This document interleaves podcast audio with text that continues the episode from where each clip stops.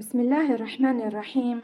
الحمد لله الرحمن الذي خلق الإنسان علمه البيان وهداه النجدين وكرمه بالعقل وفضله على كثير من خلقه بتعبير اللسان وحبب إلينا الإيمان وزينه في قلوبنا وكره إلينا الكفر والفسوق والعصيان والصلاة والسلام الأكرمان على صاحب الشمائل الحميدة والسيرة المجيدة والخلق العظيم. من جاءنا بدين الحق وشريعة الصدق وأرشدنا إلى صراط الله المستقيم. سيدنا ومولانا وقدوتنا وقرة أعيننا محمد بن عبد الله الناصح الأمين وعلى آله الأطهار وصحبه الأبرار الغر الميامين ومن تبعهم بإحسان وإيمان إلى يوم الدين. السلام عليكم ورحمة الله وبركاته. هذه الحلقة السادسة عشر من برنامج تساؤلات على قناة المنتدى الفكري الشبابي فسيل وعنوانها العادات الاجتماعية في ميزان العقل والشرع الجزء الأول آه الأفراح. ضيفتنا لهذه الليلة الأستاذة مريم بن موسى. متخصصة لدى تربية وعلم النفس مهتمة بالمجال الأسري والعلاقات الإنسانية ناشطة في مجال التوعية وتطوير الذات ولها العديد من المحاضرات والسلاسل التوعوية سواء الميدانية أو عن بعد. من ضمنها سلسلة تجديد الفكر التي تبث حاليا أونلاين وسلسلة دورات لتسكنوا إليها. أهلا وسهلا بك أستاذة مريم. أهلا وسهلا أستاذة دعاء. السلام عليكم ورحمة الله وبركاته. مرحبا بك وبجميع الحضور وشكر الله لكم هذه المبادرة الطيبة. وشكرا وعليكم السلام ورحمة الله وبركاته. آه، كيف حالك؟ الحمد لله بخير. أتمنى أن يكون الجميع بخير يا رب العالمين. خير والحمد لله. أستاذة بما أن اليوم حلقتنا على العادات الاجتماعية ما معنى العادات الاجتماعية المعروفة عندنا بالسبر؟ وكيف تشكلت وأصبحت واقعًا يتمسك به الناس؟ ولماذا يوجد اختلاف بين المناطق والعائلات؟ بارك الله فيك. آه، في البداية نجزئ السؤال لعدة آه، محاور. أولها ما هي العادة بالعموم؟ العادة لوحدها هي سلوك اعتاد الإنسان على فعله آه، غالبا في اللاوعي. العادات والتقاليد هي ما يختص بالمجتمعات. هو يعني إذا أردنا أن نعرر أن نضع لها تعريفا هي كل سلوك اعتاد أفراد المجتمع على ممارسته بانتظام على مر الأوقات السنين أو الشهور أو يعني بمرور الوقت. حتى صار عرفا. يعني خلاص ارتبط هذا العرف أو هذا هذه العادة ارتبطت بالمجتمع فأصبحت ملازمة له ويعرف بها في الغالب. وطبعا يميزه عن باقي المجتمعات. مثل هنا في المجتمعات الليبية عندنا بعض العادات وبعض التقاليد اللي هي تميز المجتمع الليبي عن باقي المجتمعات. هذا بتعريف سريع يعني. السؤال الثاني اللي هو كيف تشكلت وأصبحت يعني واقع يستمر به الناس؟ يعني يعني خلاص صبر يعني مشافي للعيلة من الأجداد للأحفاد وماشيين عليه يعني بدون تفكر من وين وين أصله يعني كيف رأيك؟ هو في في البداية في قصة آه، ممكن البعض يعرفها وحتكون حلوة لو نبدو بها اللي هي إن في آه، واحدة خشت بالطيب في في المطبخ فكانت آه، بتدير وجبة حوت. طبعا من ضمن العادات اللي ممكن نتكلم عليها بعدين إن آه، كلمة حوت بالذات ينقال عليها أو مرتبط لها كلمة يعني حشاكم. فهي طبعا لها مصدر وبعدين إن شاء الله بالك نتكلم عليها. المهم كانت بتطيب وجبة سمك فاتصلت بأمها تبي تعرف كيف الطريقة. آه، فأمها أعطتها الطريقة قالت لها خذي الحوتة آه، قصي الراس وقصي الديل وحطيها وأعطتها باقي الطريقة من بهارات وخضرة وغيرها. فدارت الطريقة فسألها زوجها قال علاش الراس والديل مش موجودين؟ فقالت له ما نعرفش يعني ماما هيك أعطتني الطريقة. فاتصلت بأمها تسأل فيها فقلت لها ما نعرفش أنا أخذت الطريقة هيك من ماما من أمي يعني من جدة البنت. فاتصلت الأم بأمها اللي هي الجدة فسألتها علاش هيك تديري في الطريقة؟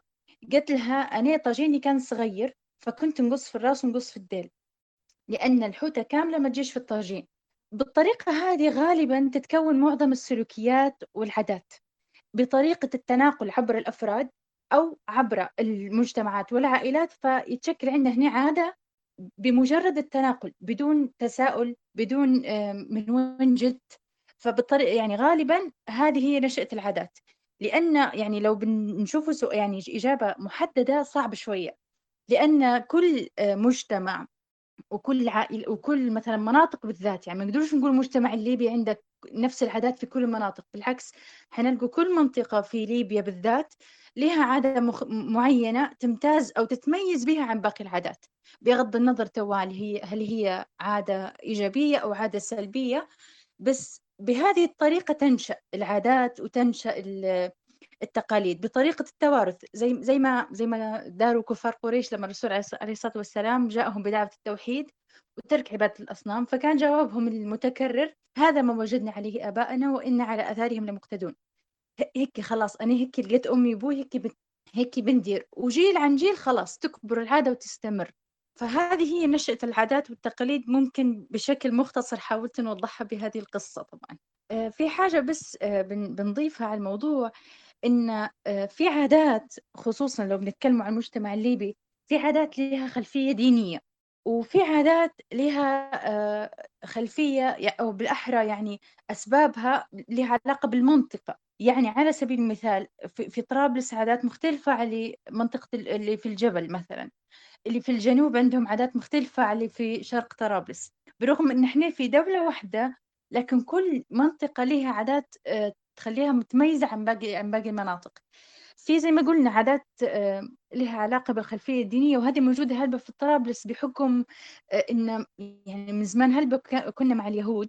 ففي هلبة عادات خليناها خصوصا في الأعراس منشأها الأساسي عادات يهودية. يعني من ضمنها كلمة حشاك على موضوع الحوت هذه سببها مو يعني موروث قديم من من اليهود وهذا اللي ما سألت عليه وخصوصا هنا في طرابلس معروفة هل إن شنو سر كلمة حشاك بعد ذكر كلمة الحوت بالذات؟ فكان سببه أو بالأحرى منشأ هذه الكلمة بالذات وهي تعتبر حاجة تعودوا عليها اللي هي خلفية دينية. من ضمن العادات المعروفة مثلا يوم الجمعة كل منطقة لها آه، أكلة معينة يديروا فيها يوم الجمعة تحديد تحديدا وهذه هذه العادات مثلا عادية طبيعية جدا. هي أكلة من في من يدير بازين في من يدير كسكسي. كل عيلة أو بالأحرى كل مجتمع أو كل عائلة وشني تعودت وشنو تحب وشنو تفضل بالمعتاد. غالبا هذه هذه العادات آه، لا تخضع لسلطة العقل. وربما هذا اللي مخلينا نتعرضوا حاليا بالذات لعادات آه، مع الأسف مع الأسف ما تناسبناش لا شرعا ولا عرفا. آه، إن شاء الله ما كنتش طولت في الإجابة. صح هذه على سيرة يعني غداء معين مثلا أو اليوم العيد سواء كان عيد الفطر أو العيد الأضحى. في عائلات يعني تقول لك خلاص هذا سبرنا مثلا نتغدوا فاصوليا. وفي عائلات يتغدوا حوت. يعني حتى مرات خاطين في حاجة تانية لا خلاص هذا ماشي فيهم سبر. يعني خلاص هذا توارث يعني من الجدود للأحفاد آه، شوفي بس دعاء بنعقب على نقطة آه، هلبة مهم العادات زي تو مثلا موضوع عادات عيد الفطر وعيد الأضحى على يوم الجمعة في عادات عادية ما فيهاش آه، محظور شرعا ولا عرفا. لأن في يعني غالبا المفروض باش إحنا نعرفوا هل هذه الحاجة تمشي معانا ولا لا بنحطها في ميزان العقل وميزان الشريعة. ميزان الشريعة طبعا هو العام وميزان العقل الخاص. كيف يعني؟ مثلا موضوع الأكل مثلا اللبس مثلا في الجنوب عندهم نوعية معينة من اللبس يلبسوا فيه في في في الجبل عندهم حتى مثلا عادات محددة في الأعراس تختلف على باقي المناطق. في أشياء مش كل عادة هي خطأ ولا كل عادة هي صح. هي الفكرة إن الإنسان المفروض قبل ما يدير الحاجة يسأل نفسه هل هي ماشية معي هل تناسبني؟ شرعا؟ هل تناسبني عرفا؟ هل تناسب عيلتي؟ هل تناسب شخصية المحيط اللي حواليا؟ وبعدين عادي يطبقها مش مشكلة. يعني مش كل عادة هي ما تنفعش مثلا ولا كل عادة آه، ضروري نديروها تبدأ زي الفرض. طالما ما فيهاش آه، معتقد ديني. أول ما توصل العادة في المعتقد هنا نقدر نقوله خطر. وممكن تو لما إن شاء الله نتكلم عن موضوع الأفراح والمناسبات نفصل في هذا الموضوع. فكملي آه، سؤالك دعاء من فضلك. السؤال الثاني اللي هو ما واقع مناسبات الأفراح في ليبيا؟ وشن أسباب وجود هذا الواقع برأيك يعني؟ طبعا موضوع الأفراح بالذات هل آه، طرأت عليه تغييرات؟ العشر سنوات اللي فاتت مش زي العشر سنوات الحالية خصوصا في انتشار مواقع التواصل الاجتماعي. تو الموضوع بيتفصل لعدة نقاط. الأولى زي ما قلنا عادات طبيعية وعادية وعادات فيها محظور شرعي وعادات وعادات فيها محظور عرفي يعني من العرف لأن في أحيانا يقدم العرف على الشرع تبدأ حاجة مباحة ولكن عرفا غير مستساغة. على سبيل المثال حفلات توديع العزوبية. على سبيل المثال تو شبه بدينا يعني نقدروا على فكرة نتلافوا هذا الموضوع لكن شبه بدأ بخش في عاداتنا وتقاليدنا هذا ال ال ال هذه العادة اللي هي يكون في حفلة توديع عزوبية قبل قبل الزواج للبنت هذا هذا في محيط البنات بالذات زايد.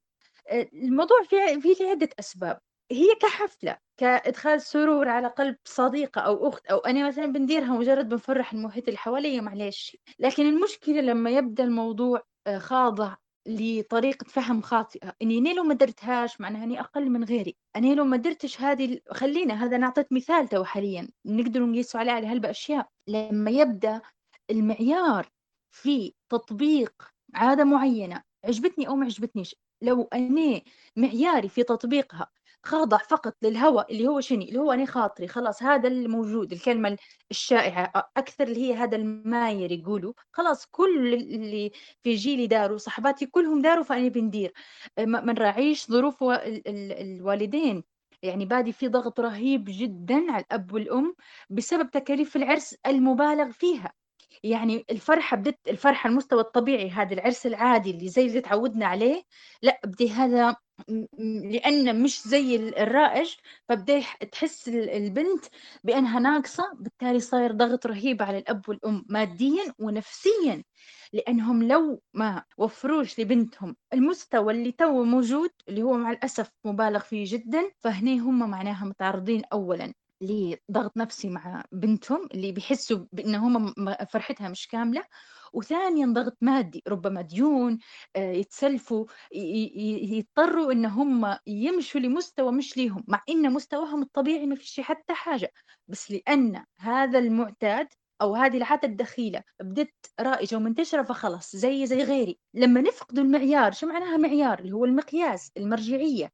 الحاجة اللي أنا نسال نفسي هي اللي تحدد لي هل أنا ندير ولا ما نديرش. شنو المفترض أولا مرجعية المسلمين بالعموم؟ شنو هي؟ القرآن والسنة. هذا ما يحتاج شخص متدين ما يبيش إنسان مثلا عالم ولا فقيه. لا لا لا أبدا. المفروض هذا الطبيعي متاعنا لأن الحمد لله في القرآن وفي السنة كل شيء موجود. كل شيء كل حاجة بالتفصيل كلها موجزة وموجودة. وحاجة ثانية غير مقياس بعد مقياس الشرع والشريعة والسنة في معايير أخلاقية في مبادئ وقيم. هل أنا يناسبني؟ حفلة مثلا على سبيل المثال موضوع توديع العزوبية. هل أنا في مجتمع مسلم عربي هذه الحفلة شو مصدرها؟ من وين جت؟ لو بحثنا عن مصدرها حنلقوا إن هي حتى اخلاقيا ما تناسبناش.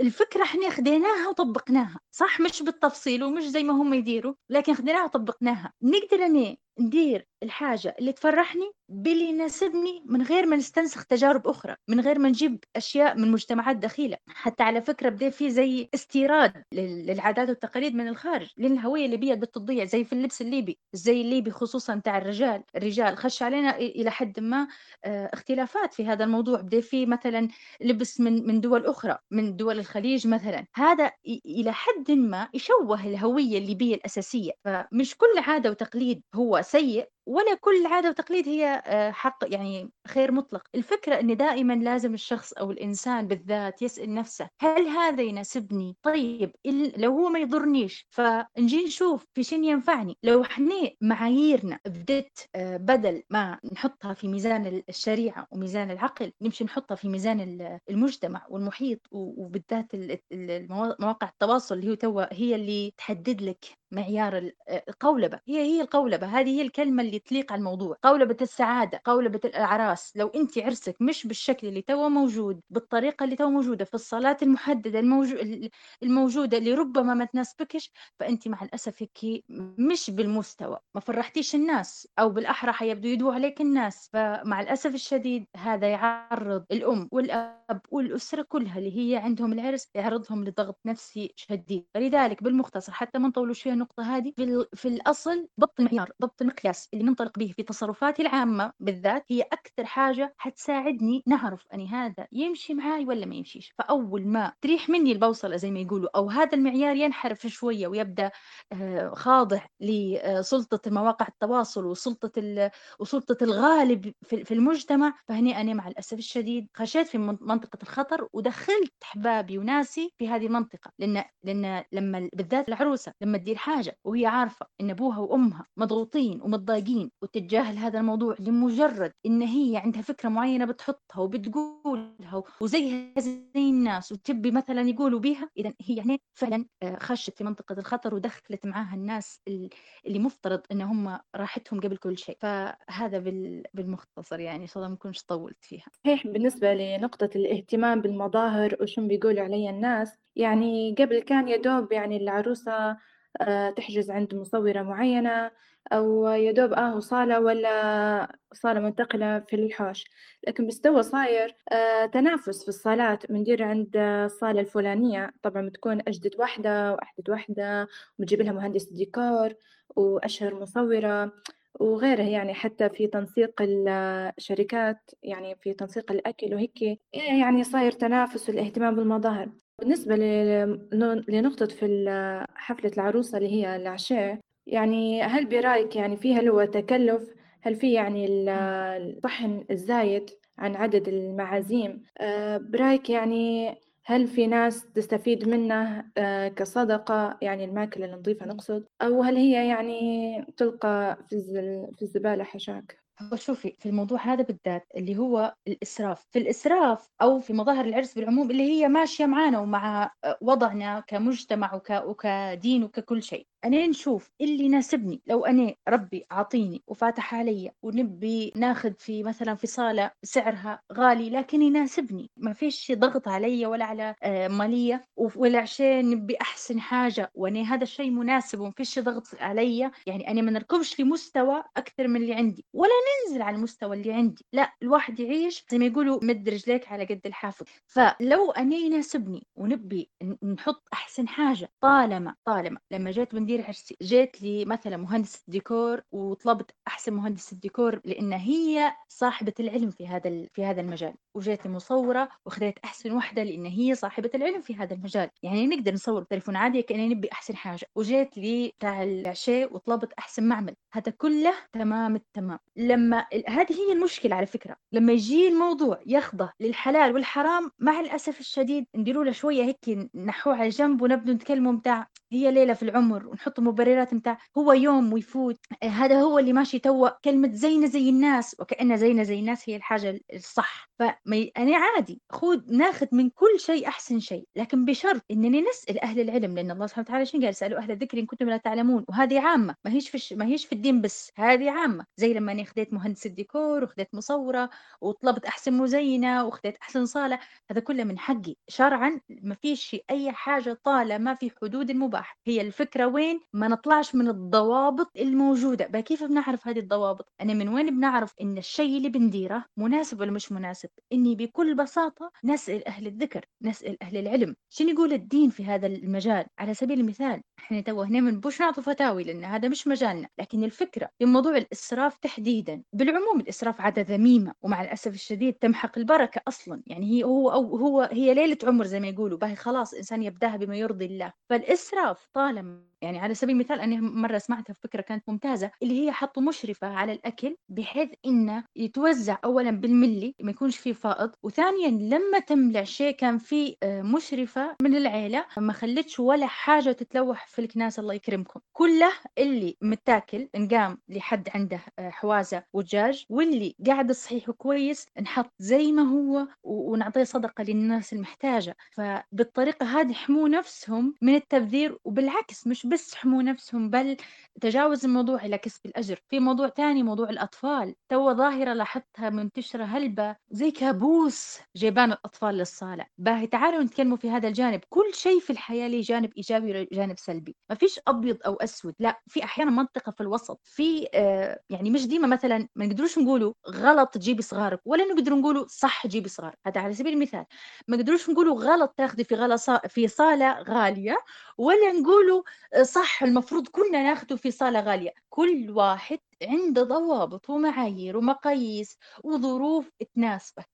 ربي خلقنا مستويات في هذه الدنيا سواء في العقل في المال في الثقافة في كل شيء. لو شاء لهداهم أجمعين لو شاء لخلق لو إن خلقنا أمة واحدة. لكن هيك ربي خلقنا مختلفين فيها حكمة. فليه ما نقدرش نضغط الضغط الرهيب هذا على المجتمع بالذات على موضوع مثلا آه، المرأة اللي ترفع في صغارها. من ناحية شوفوا هنا من ناحية ولاحظي إن الموضوع هذا يا السادة دعاء وجميع الحضور نلاحظوا إن الحاجات هي مش خاضعة. لقالب واحد. لاحظوا إن هي مش قا... مش خاضعة لقالب واحد إلا في بعض الأمور اللي فيها محظور شرعي. فما نقدرش نعمم إن كل واحدة جابت صغارها معناها هي مثلا الله يكرمكم قليل الذوق أو هي ما تفهمش في الأصول. بالعكس الفكرة إني أنا نشوف المتاح. والمسموح ونديره. مع الأسف الشديد بدا فيه اهتمام بحفلات توديع العزوبية وبدا فيه نسف لعادة كانوا يديروا في الربيع للصغار. باش يوم العرس ما فيش ولا طفل ويبدأ عندهم الحق. يبدأ وقتها أي حد يجيب طفلة يعني صح هذا هذا يشوفوا له هيك بطريقة مش مناسبة.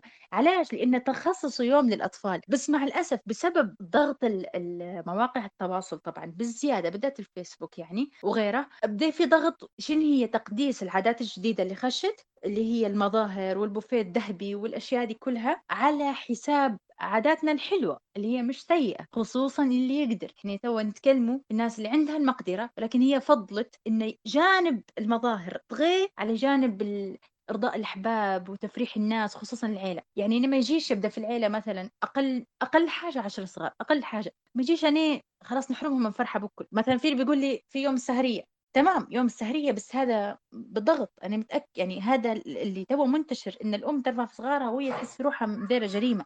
فلما يتخصص هذا اليوم وهي عادة وعادة حلوة ونعطي ونعطي للصغار أني قيمتهم ونفرحهم. خلاص وقتها بكل أدب نكون وصلت رسالتي إن مثلا لو واحدة هي هيك تبي فتبي عرسها مثلا من غير صغار. هي حرة لكن في نفس الوقت نراعوا غيرنا.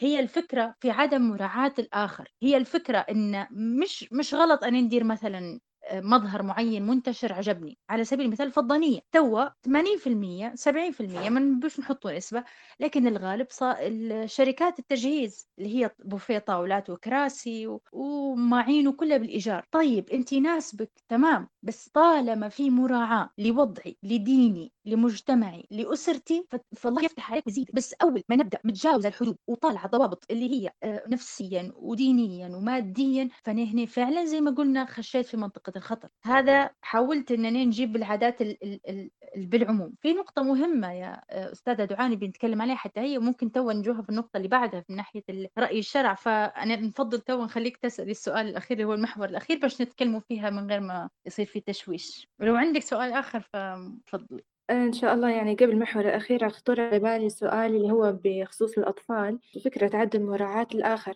يعني توا في الوقت الحالي يعني الأم أكثر من إنها تفكر في المشي لل للحفلة وحضور الفرح من الأقارب.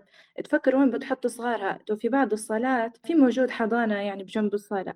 لكن نفس الوقت هي يعني بتفرح. مثلا بنتها لبستها قفطان مزينتها.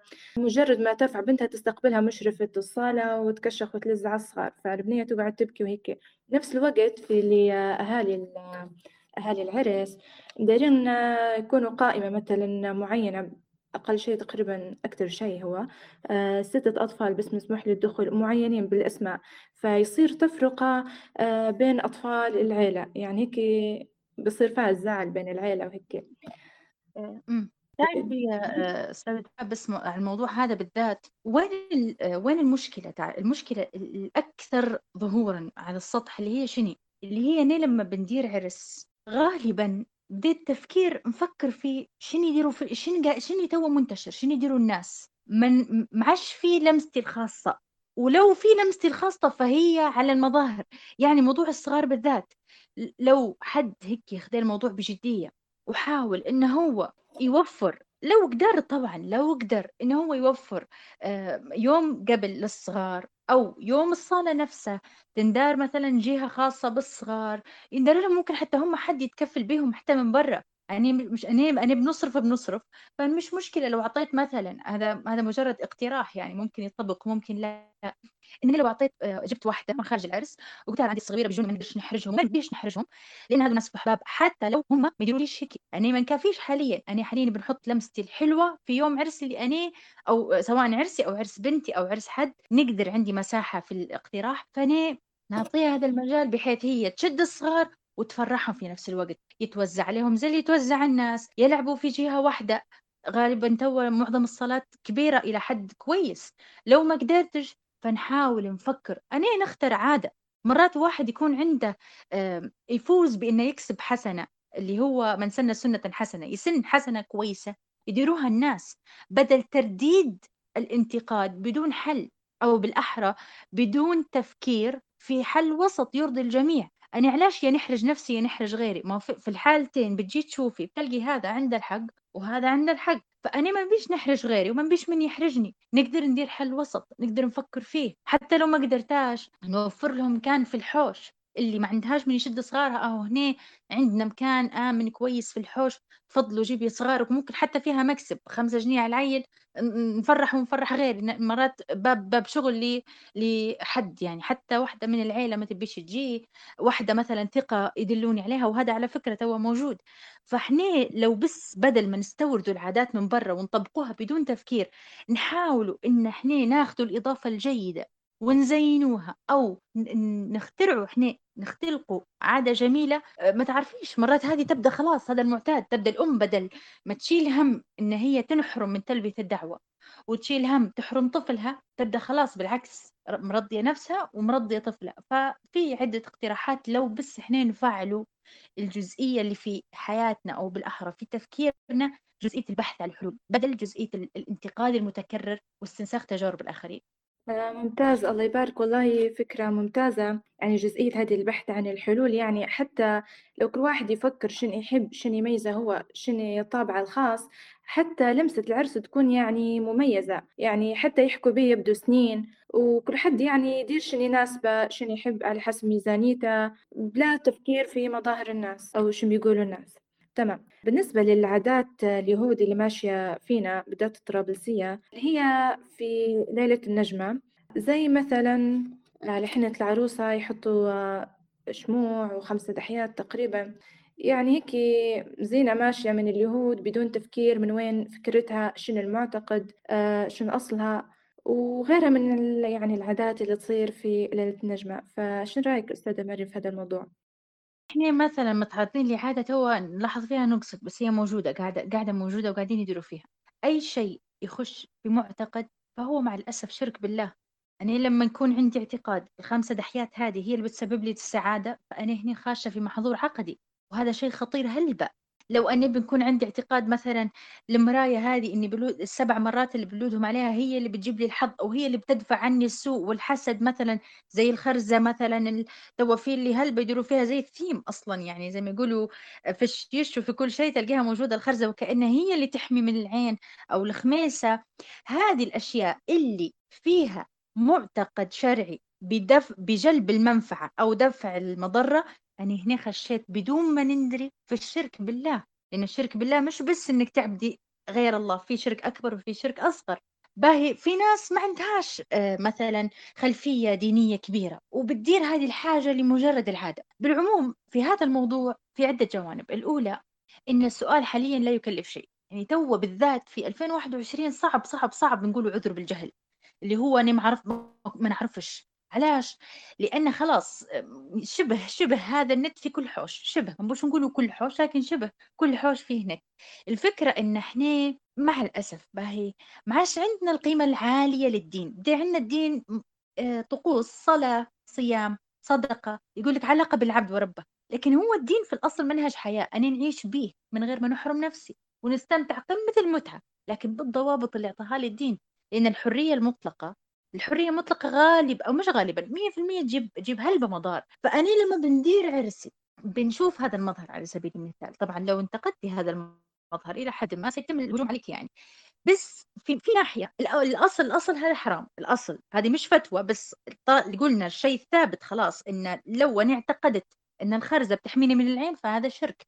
لو اعتقدت إن الخميسة هي بتنحي لي الحسد والناس الحسودة هذا شرك لأن الله هو النافع الضار. لكن وين؟ في ناس خلفيتهم آه، حتى الثقافية متوسطة متواضعة. حتى لما يديروا هذه الحاجة ما يفكروش. فأنا ما نقدرش نقول هل عليهم شيء ولا لا. بس الفكرة نقدر نقول للناس الواعية الناس اللي تبحث الناس اللي تسأل إن معرفتي بعدم آه، نفع هذا الشيء تخليني مفروض إني ما نديراش. وما نطبقاش ولو سألوني علاش اني ما نديراش فنعطي إجابة إن هذا حرام. ونكون فخورة بهذا الشيء. مش نتحشم ونديره لمجرد انها خلاص أصلا عادة وتق... عادات وتقاليد وأنا مش قصدي بيها حاجة. لا خلاص لما أنا عرفت إن هذا شرك بالله نوقف عنده. نوقف عنده وما نقولش هذه عادات وتقاليد. زي شني مثلا تاني؟ في حتى تقريبا في في يوم الجلوة حتى هي في معتقد. هو تو شبه الحمد لله. نقص هلبة هلبة هلبة. بس وين الفكرة؟ الفكرة طالما عرفت هو هو المفروض أبحث. المفروض الأصل الإنسان يبحث يبحث عن كل شيء يسأل عن كل شيء. يدور في جوجل في يوتيوب يسأل يبحث يدور الناس اللي يثق فيها. باهي ما فيش هذا البحث هذا ما زال إحنا مثلا ما وصلنا لهاش كثقافة مجتمع خلاص يكفيني نعرف. به لو ما لو ما عرفتش أو بالأحرى لو عرفت إن مثلا هذه الحاجة حرام ودرتها أنا هنا غلطه علاش؟ لأن أي حاجة نعرفها تضرني حتى مش شرعا على فكرة. تضرني مجرد إني نعرف إنها تضرني ونديرها أنا هنا فرطت فرطت في في حياتي فرطت في منهجية كاملة المفروض نكون عايشة بيها. بس لنا بنراعوا إن المجتمع الليبي خصوصا مازال مازال ما وصلناش لهذا مثلا المستوى إن إحنا مثلا كنا نبحث وندور ونسأل رغم إن الله يبارك الله يبارك في مستوى وعي عالي حاليا اللهم بارك يعني ملحوظ جدا بس بنراعوا ان مازال في ناس متمسكة بهذه الأمور. فإحنا بدل ما نشنعوا على غيرنا ونستقبحوا وفي مثلا أحيانا مع الأسف يكون في طريقة إنكار يعني سيئة هلبة باني ننزل من مستوى اللي قدامي لمجرد إنه دار حاجة غلط شرعا أو عرفا حتى لو حرام أنا مش من حقي إني ننهينا أنا نوضح له أول حاجة. وهذه مسؤولية الجميع مسؤولية أي حد يعرف الحلال من الحرام أو الصح من الخطأ إنه هو يوضح ولو بمنشور واحد على الفيسبوك ما عادش يكلف شيء.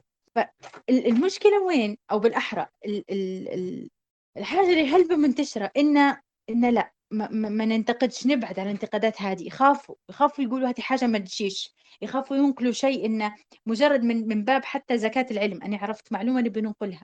فطالما أنا عرفت على سبيل المثال موضوع النجمة باش ما نطلعوش هل بالموضوع. طالما أنا عرفت هذه الحاجة ما تجيش خلاص ما نديرهاش. نحاول إننا نوضح للي حواليا. مثلا في مثلا أمهات وأباء ما زالوا مثلا مش ما عندهمش هذا الوعي الكبير أو هذا أو ما عندهمش حتى القدرة على التخلي على الأشياء من باب العادات والتقاليد وما فيهاش معتقد إن شاء الله ما يكونش عليهم شيء إن شاء الله ما يكونش عليهم شيء. بس ديما ما دام عرفنا إحنا إحنا بالذات هذه مسؤوليتنا على فكرة آه، بالذات الجيل الجديد اللي هو من 2000 إلى صعودا آه، مسؤولية التوعية مسؤولية جدا جدا كبيرة. موضوع الأفراح والعادات والتقاليد بالذات محتاج توعية كبيرة والتوعية مش فيني ننتقد التوعية مش فيني ننزل مستوى اللي قدامي لأن ده حاجة ما تعجبنيش. مش مشكلة أنا مش عاجبني هذا الفعل. طيب ننتقده بأرقى ما يمكن من الأساليب. بدون ما يوصل للتشخيص وللإهانة ولربما حتى الطعن في الدين والطعن في ال في ال في, ال في الأخلاق. فهذا بخصوص اللي هي العادات اللي محظورة شرعا يعني. صحيح أستاذة مريم الله يبارك وضحتي كل شيء. وحتى بالنسبة لنقطة لبس بدل الكبيرة والجلوة يعني يكون همها أكبر شيء يعني اللي فيه مثلا يجمعوا أكبر قدر ممكن أو فوق الطاقة مجرد ما تلبس هذيك البدلة الكبيرة في المحضر يعني بدالها ممكن تقدر تسافر بها أو تدير أي شيء اللي فيه يعني حتى حارمة راح نهلبة حاجات في المصاريف البتات مجرد ما أن هي تجمع مبلغ للبدلة الكبيرة وهي مجرد يعني يوم وبتلبسها وبيلبسها الدولاب زي ما يقولوا بعدين شو رأيك في موضوع المحضر؟ هو تعرفي آه، معظم العادات هذه ترجع إلى شكل يعني إلى حد كبير زي ما يقولوا الفراغ العقدي والمعرفي. شو معناها؟ يعني نقص نقص التوعية أو نقص العلم ضعف العلم الشرعي وضعف العلم المعرفي العادي العلم الدنيوي أصلا زي هذه اللي تقولي فيها مثلا. هذه ثقافة في من طبقها فعلا.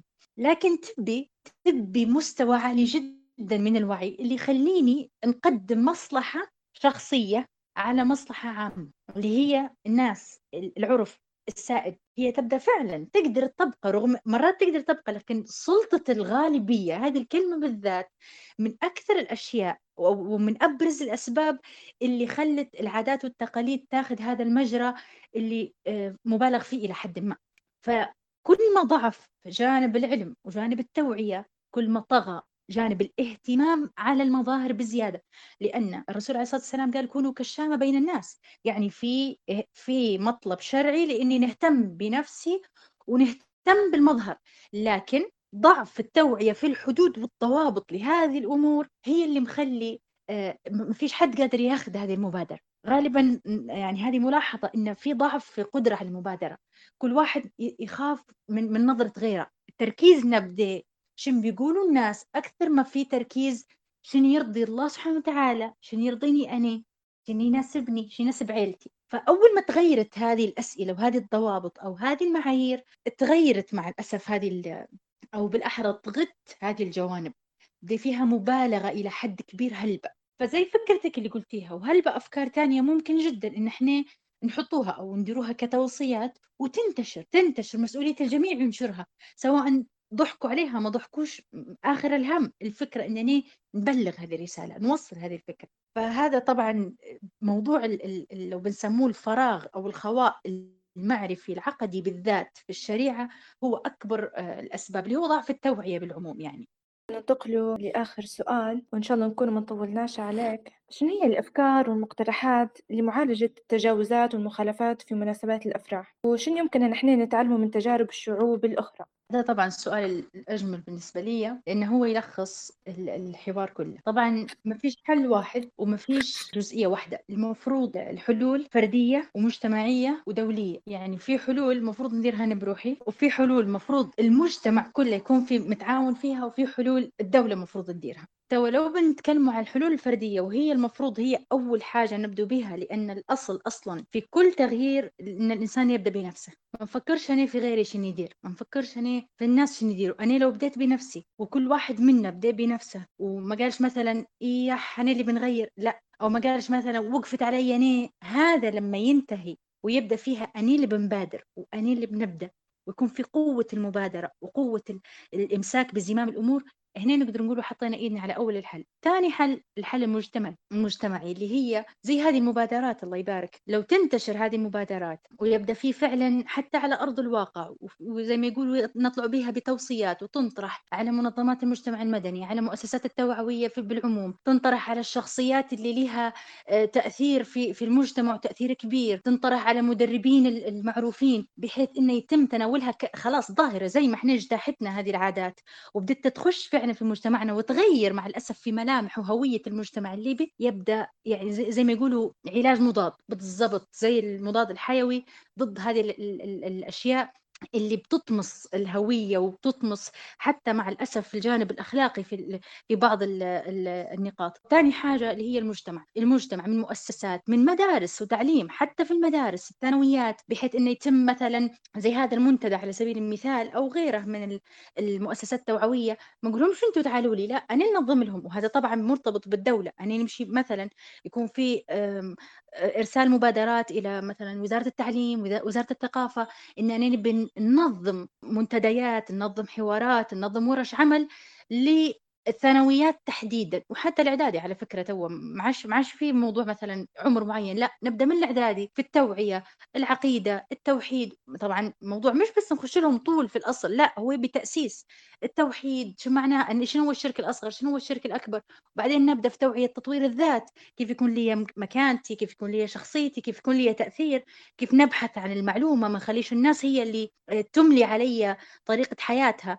أنا ما نعيشش وفق اللي يبون الناس ولا ولا نلبس زي ما يقولوا ثوب مش طالع علي لا أنا نسال نفسي في كل حاجة نشوفها هل هذه تنفع بي ما تنفعش؟ آه يكون في دور ضروري جدا للأسرة ضروري جدا جدا جدا توعية الأسرة. زي ما نمشي للمدارس أنا نطلب من الوالدين يكونوا متوفرين معاي في المدارس وندير ورش عمل جماعية يكون فيها جو من الترفيه نمرر المفاهيم اللي ربما شوية لو مررتها بطريقة واضحة تكون مثلا تسبب صدمة نمررها بطريقة غير مباشرة بحيث أني نعطي جو من التعاون والترفيه بين الأسرة وبين الطالب وبين المنظمات. هيك يصير في دمج تام للمجتمع. يعني ما نقدرش نركز مثلا نركز على المرأة فقط وننسى الرجل مثلا أو نركز على الرجل فقط وننسى المرأة ونجي نوعي المرأة ونقولها ديري وديري وديري وما تديري وما تديريش وزي ما يقولوا هيك الصح وهيك الغلط. انت هنا خديتي نص لكن نسيتي نص ثاني أو خديتي ربع ونسيتي الباقي. إن في والدين في أم وأب في أطفال في أولاد عم في رجال. لابد من دمج المجتمع كامل في عملية توعية شاملة. وعملية التوعية ما تكونش بواحد اثنين ثلاثة. لما نقولوا برامج يعني أشياء تنظيمية نبدو بها زي ما زي ما قلت اولا من الفرد إن الرغبة الداخلية لكل إنسان إنه يغير وإنه يبادر هي اللي حتساعد إن هذه هذه النتائج أو بالأحرى. هذه الأعمال تجيب نتائج حلوة. وطبعًا الموضوع يبي شغل عالي المستوى، يعني مش مش مثلًا نديرها في شهر ونوقّف. مش مثلًا نديرها في شهرين. لا، لا، لأ، شيء مستمر، نخدم على جميع الأصعدة، نخدم على جميع مواقع التواصل بما إن هي توا حاليًا تعتبر السلطة الأقوى في في في التأثير، آآ هذا طبعًا من ضمن ال الاقتراحات، وطبعًا البرامج اللي قُلتِ آآ من من الدول الأخرى، في برنامج آآ دولة ماليزيا بالذات معروف وفي يعني يعني في نسب نسب الطلاق هلبة نزلت بسبب آآ انتشار هذه البرامج، اللي هي تصريح يعني ما فيش حد يتزوج أي حد المرأة أو الرجل آآ يعني الزوج إلا بدورات تأهيلية تدريبية من الدولة، يعني إلزامية مش اختيارية، ولو أنت ما عندكش هذا التصريح اللي هو فيه طبعًا جانب نفسي وجانب توعوي كل الجوانب، هذه هي الفكرة، كل الجوانب، الإصلاح عمره ما يكون على جانب واحد بس، يعني ما نقدرش نقول مثلًا خلاص أنا نصلح الدين وكل شيء يتصلح، هو صح هذا الأصل، لكن ما نقدرش نهمل جانب الذات، ما نقدرش نهمل جانب العقل، ما نقدرش نهم نهمل جانب النفسية، هذا كله نخدم عليه، فالج فالبرنامج الماليزي خادم على ه بهذه الطريقة. وفي نسب آآ واضحة يعني في ال في المجتمع. تقدروا ترجعوا حتى لهذه الدراسات. ال ال إن نسبة الطلاق نزلت هلبة في المجتمع الماليزي، ممكن نستنسخوا هذه التجربة باللي يناسب مجتمعنا، ما ناخدوهاش هي بالتفصيل، ناخدوا اللي يناسبنا إحنا، ممكن حتى نسقطوها حتى على ال ال التعليم من أعمار صغيرة وما يكونش موضوع على الزواج، بس ناخدوا الفكرة، ناخدوا اللي اللي ينفعنا إحنا، ناخذ اللي ينفعني اللي ما واللي ما يعجبنيش أو ما يمشيش معاي نتجاهله يعني، وهذا هذا ما ما لدي وإن شاء الله ما أكونش طوّلت هلبة في ال في الجواب. آآ صحيح والله. بالنسبة لي برنامج الدورات التأهيلية للزواج مهمة جدًا، جدًا، سواء كان للشابات والشباب، وكذلك يعني آه، من الناحية النفسية يعني مش آه وخلاص يعني لازم يكونوا مهيئين.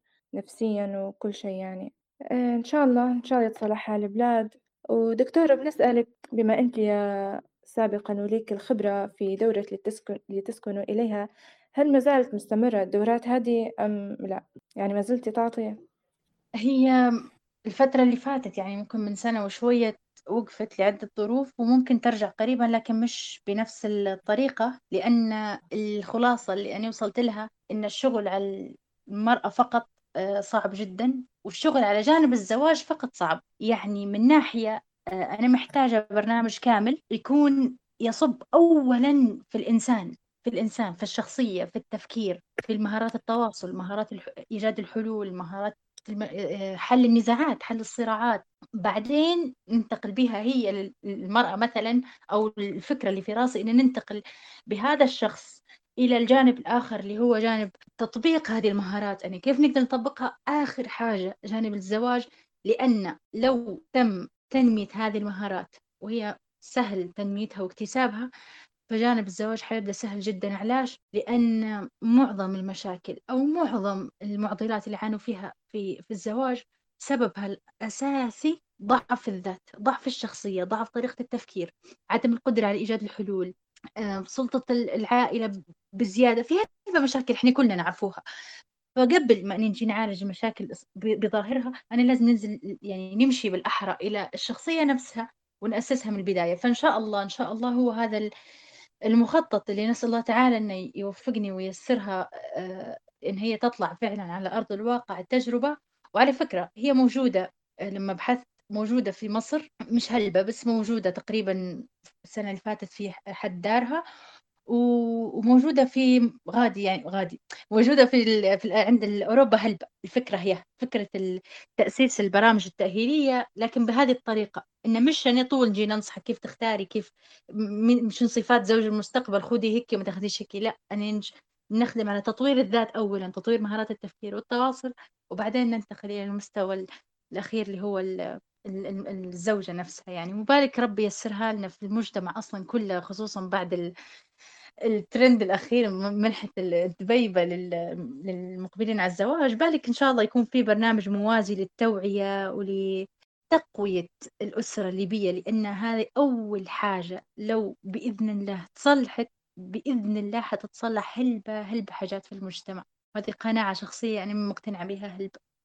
صدقتِ والله. إن شاء الله ربي آه، يسهّل لِك أمرِك ويفتح لِك فتوح العارفين وهيك نسمع بيك فاتحة مراكز وتأهيل وتوعية، ربي ييسر لِك أمرِك إن شاء الله. آآ الآن نفتح باب المشاركة لمن يحب أن يشاركنا. آه، السلام عليكم. آه، شكرا أستاذة مريم وشكرا آه، دعاء اليوم على الحلقة الطيبة هذه.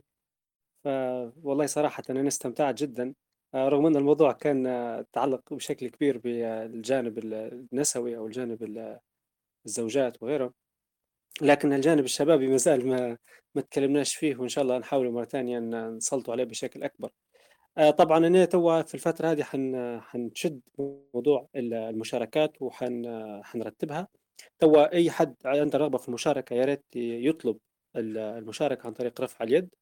آه، وإن شاء الله حنبدو آه، في أخذها بس لو ممكن بس عندي تعليق بسيط آه، إضافة إضافة للكلام اللي قلتوه آه، بحكم العادات والتقاليد آه، في موضوع الأفراح. بنحكي بشوية من جانب بحث بسيط بالنسبة لي. يعني آه، يعني لاحظت شيء خاصة توني مثلا هنا في بريطانيا لاحظت أن ال- المسلمين مثلا أو بعض الشعوب الأخرى مثلا خاصة نقول الآسيوية زي الباكستانيين زي البنغلاديش أو غيرها لاحظتهم متمسكين فعلا بهويتهم وعاداتهم وتقاليدهم في الأفراح يعني يلبسوا في زيهم التقليدي.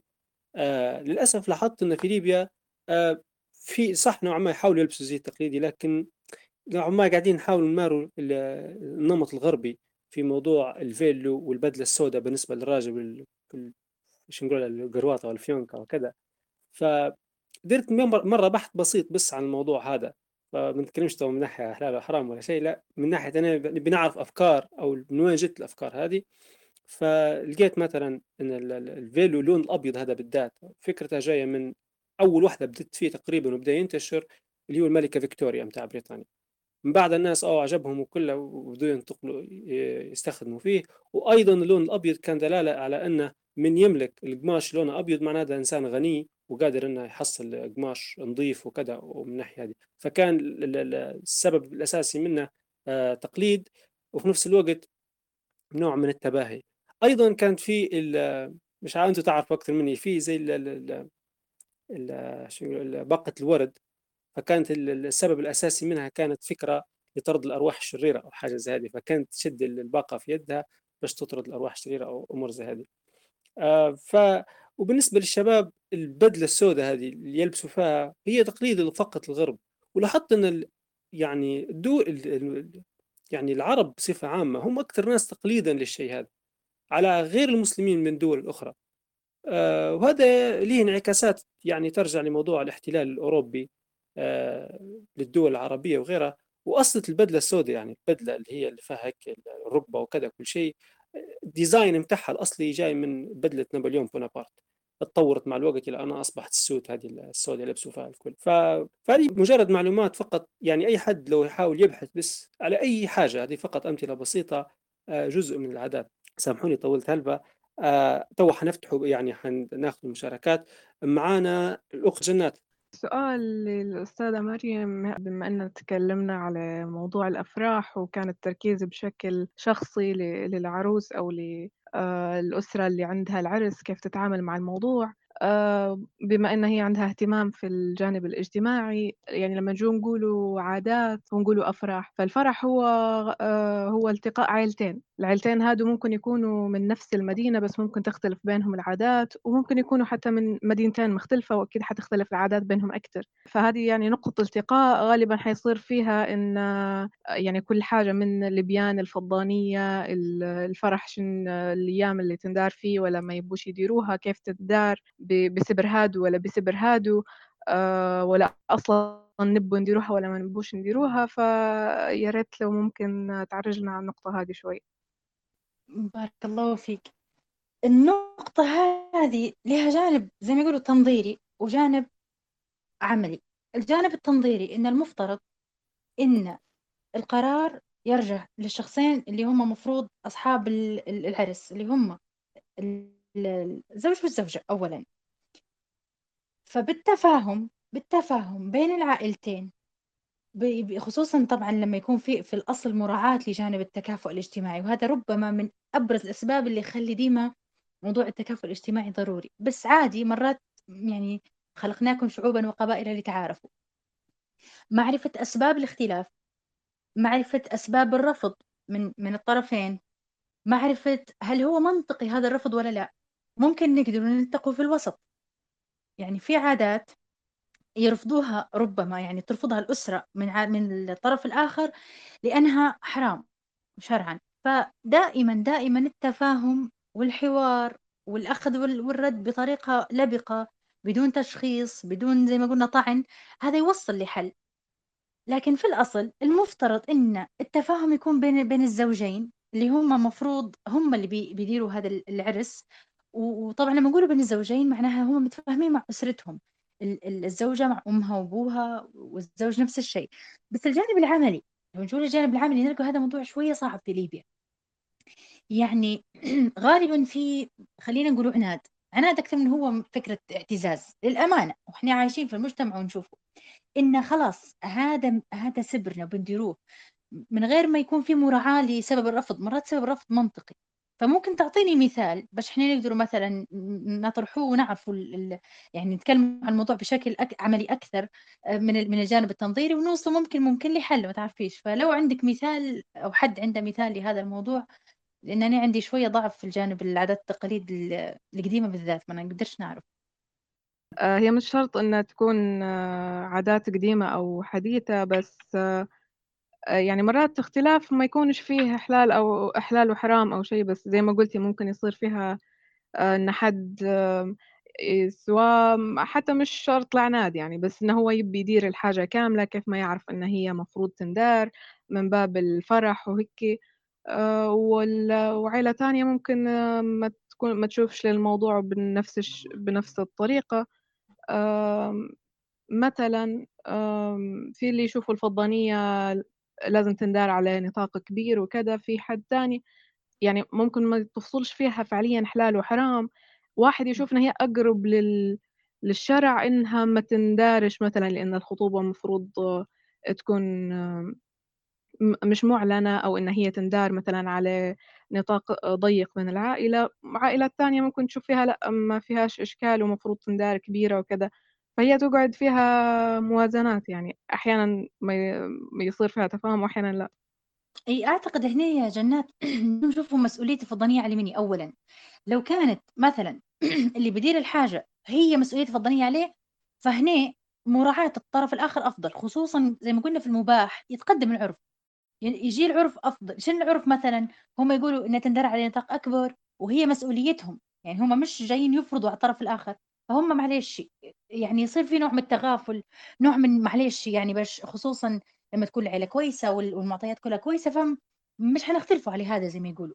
أمّا لو فيها نوع من الفرض على الطرف الآخر وإن لأ ديروها زي ما إحنا نبوا، فديما بالتفاهم، ديما بالتفاهم وأنت علاش هيك تبي وأنا نفهمك سبب الرفض، لو وصلنا لنقطة حل هذا ممتاز، لو ما وصلناش فالتغافل والتنازل في هذه المواقف أفضل، أفضل من من مثلًا نخلّي أنا ولدي يخسر آه، شخص رضي بيه وبنتي تخسر شخص رضت بيه، هذا أفضل، لأن زي ما قلتِ طالما ما فيش حلال أو حرام وفي مجرد مثلًا هيك نعرفوا هيك نعرفوا وما جيتش على حساب الضغط المادي، ووضّحت أنا أسبابي ولقيت إن أسباب الطرف الثاني مقنعة، فتمشي بالحوار بالحوار وبالتفاهم. معكم أنا أبو عجالة باحثة قانونية ومدربة.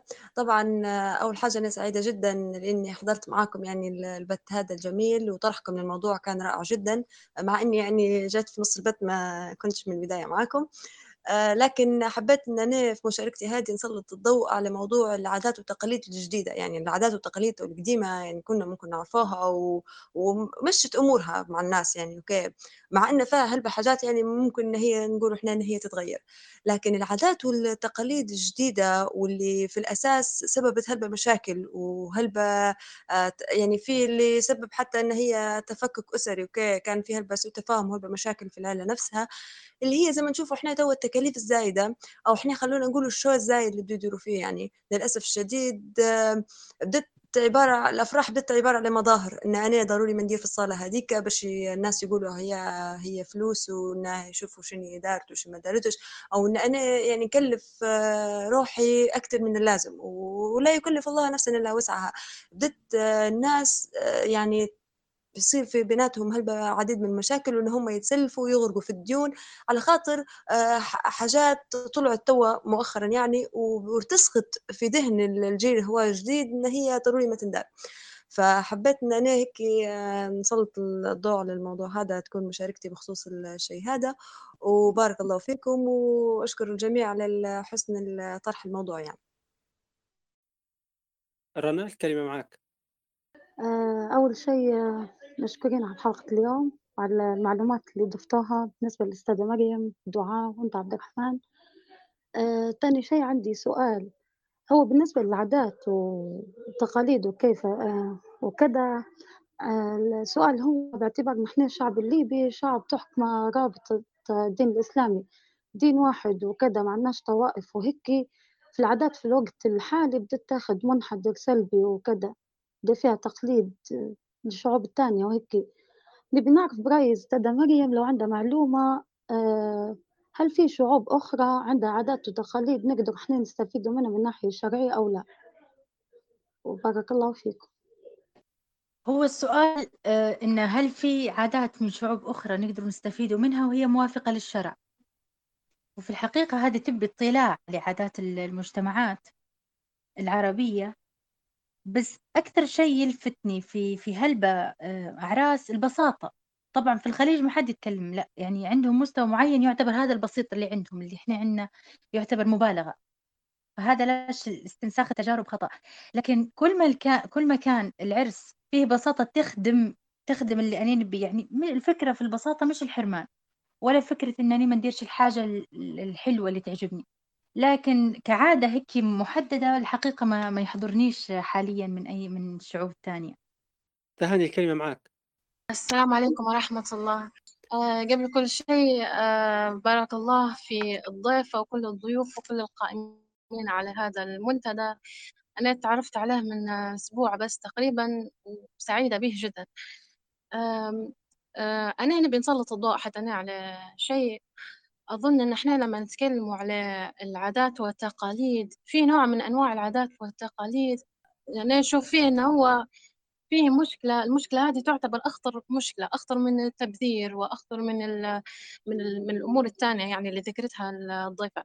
آه، النوع هذا من العادات والتقاليد هو العادات المحدثة في المناسبات الدينية زي الشيشباني آه، وغيره يعني. آه، لأن المسألة هذه تتعلق بالدين ف أكيد يعني حتكون هي أخطر آه، مسألة. فأنا نقترح عليكم بما أن في حلقة واحد وحلقة اثنين إن في الحلقة الجاية جيبوا يعني تستضيفوا شخص يأصل للمسألة هذه شرعيا ويوعي الناس آه، بالموضوع هذا. باش لما تجينا المناسبات هذه آه، نشوف المظاهر هذه قلت. إنكم أنتم يعني تساهموا في توعية الناس بالشيء هذا. خطى النبي عليه الصلاة والسلام إنه هو كان آه، يوعي في الناس لما يخطب آه، كان دائما يقول آه، إياكم ومحدثات الأمور فإن كل محدثة بدعة وإن وكل بدعة ضلالة وإلى آخره. فهذه هي النقطة اللي نبي إن هي ممكن الضيفة ما تبيش تتناول الموضوع من ناحية شرعية. آه، مع أننا نشوف فيه أن مش كل مسألة شرعية تحتاج شخص عالم أو فقيه يتكلم فيها. إحنا كل كل فرد مسلم عليه واجب في الدعوة بحسب ما يملك من العلم وبحسب ما يملك يعني من القدرة. فما فيش بس أن أنا يعني نوعي غيري حتى لو ما كنتش أنا فقيهة أو عالمة. ما دام أنا توعيت للموضوع فنحاول أن أنا نوعي غيري وفي نفس الوقت نشير لكلام أهل العلم وننقل كلام أهل العلم يعني أظن إن الموضوع ما فيش بس هذه هي كانت المداخلة وبارك الله فيكم. هو هو كاقتراح للمنتدى فهو اقتراح طيب. النقطة الثانية بس اللي هي أعتقد يعني لها علاقة بشخصي أو بالعموم يعني إن الإنسان إذا عرف معلومة يوصلها. فبالذات في الموضوع اللي آه، ذكرتيه يا أستاذة تهاني اللي هو الشوشباني ولا العصيدة في الميلود صاير في وعي نقدر نقول عليه رهيب صراحة. لكن مع الأسف الشديد خش الهوى بطريقة هلبة هلبة قوية في هذا الوعي بسبب بسبب أو مش. مش سبب واحد أسباب.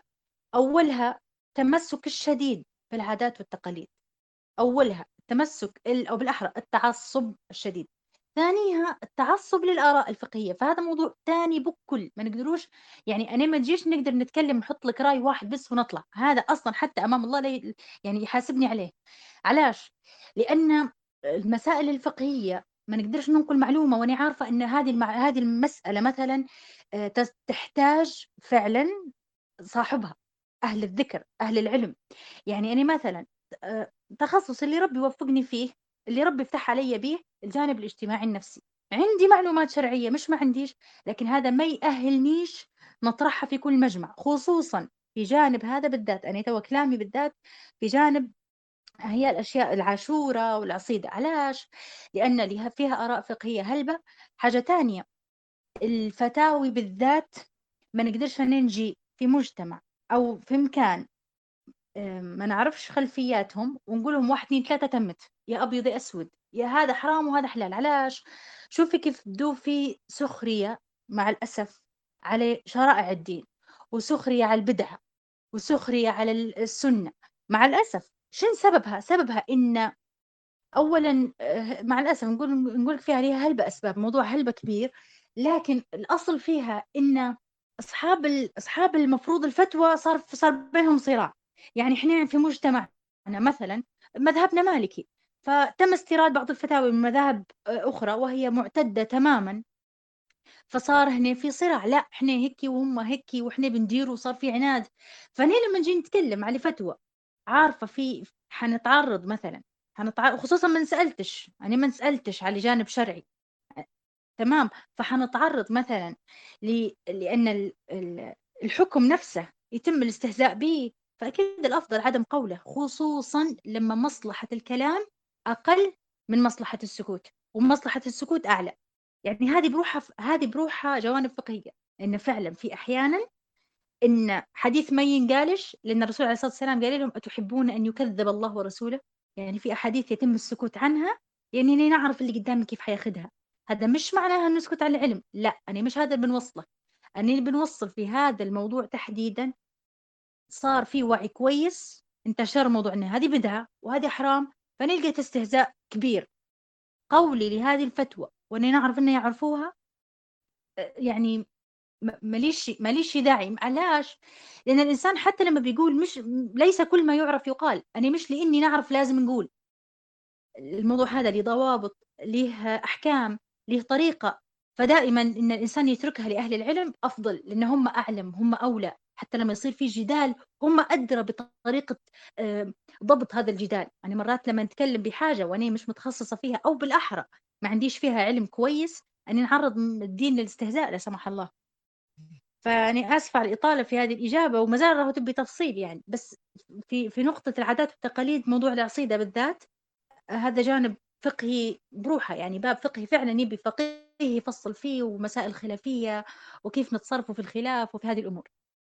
لأن لأن صار في نوع من التعدي حتى حتى من أهل الفتوى ونفسهم اللي يشوفوا بأنها حرام دي في استنقاص من اللي فيها. الطرف الثاني المفروض ياخذ الحكم يتعامل مع الموضوع بنوع من الهوى والتعصب والتقليل من شأن الدين. فانا آسفة على الإطالة في هذا الجواب لكن هو فعلا يحتاج يوم بروحه. فبالك الأستاذ عبد الرحمن آه، يفكر في في هذا الاقتراح إن شاء الله. لا بارك الله فيك. أنا نأيدك في الكلام اللي قلتيه صراحة. فشكرا أستاذة مريم. الكلمة لرحاب عيسى. الحمد لله. هو عندي ضغط شوية فلو وطولت ففتوني عدل بعد. تمام؟ تمام. أه فيكم بداية. أه استفدت واجد وحتى ضالتي في سنة والكتيبة هو إن مع مع الجهل المنتشر وتطبيق العادات الواجدة وإن لما بنقول مثلا هذه حرام هذه حلال هذه مراش أوكي فعلى العادات المخالفة للشرع. يعني ما نلقوش في تقبل وما نلقوش في ونلقوا صعب يعني وكذا. ففي كلمة قلتيها أستاذة مريم هي أن أن علي أكثر من مش واحد بس مثلا نوع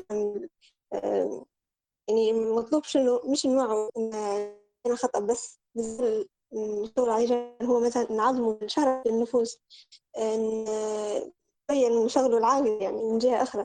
لأن توا نتوانى في مش يعني دورات ولا في كورسات ولا في مش مش زي المدن.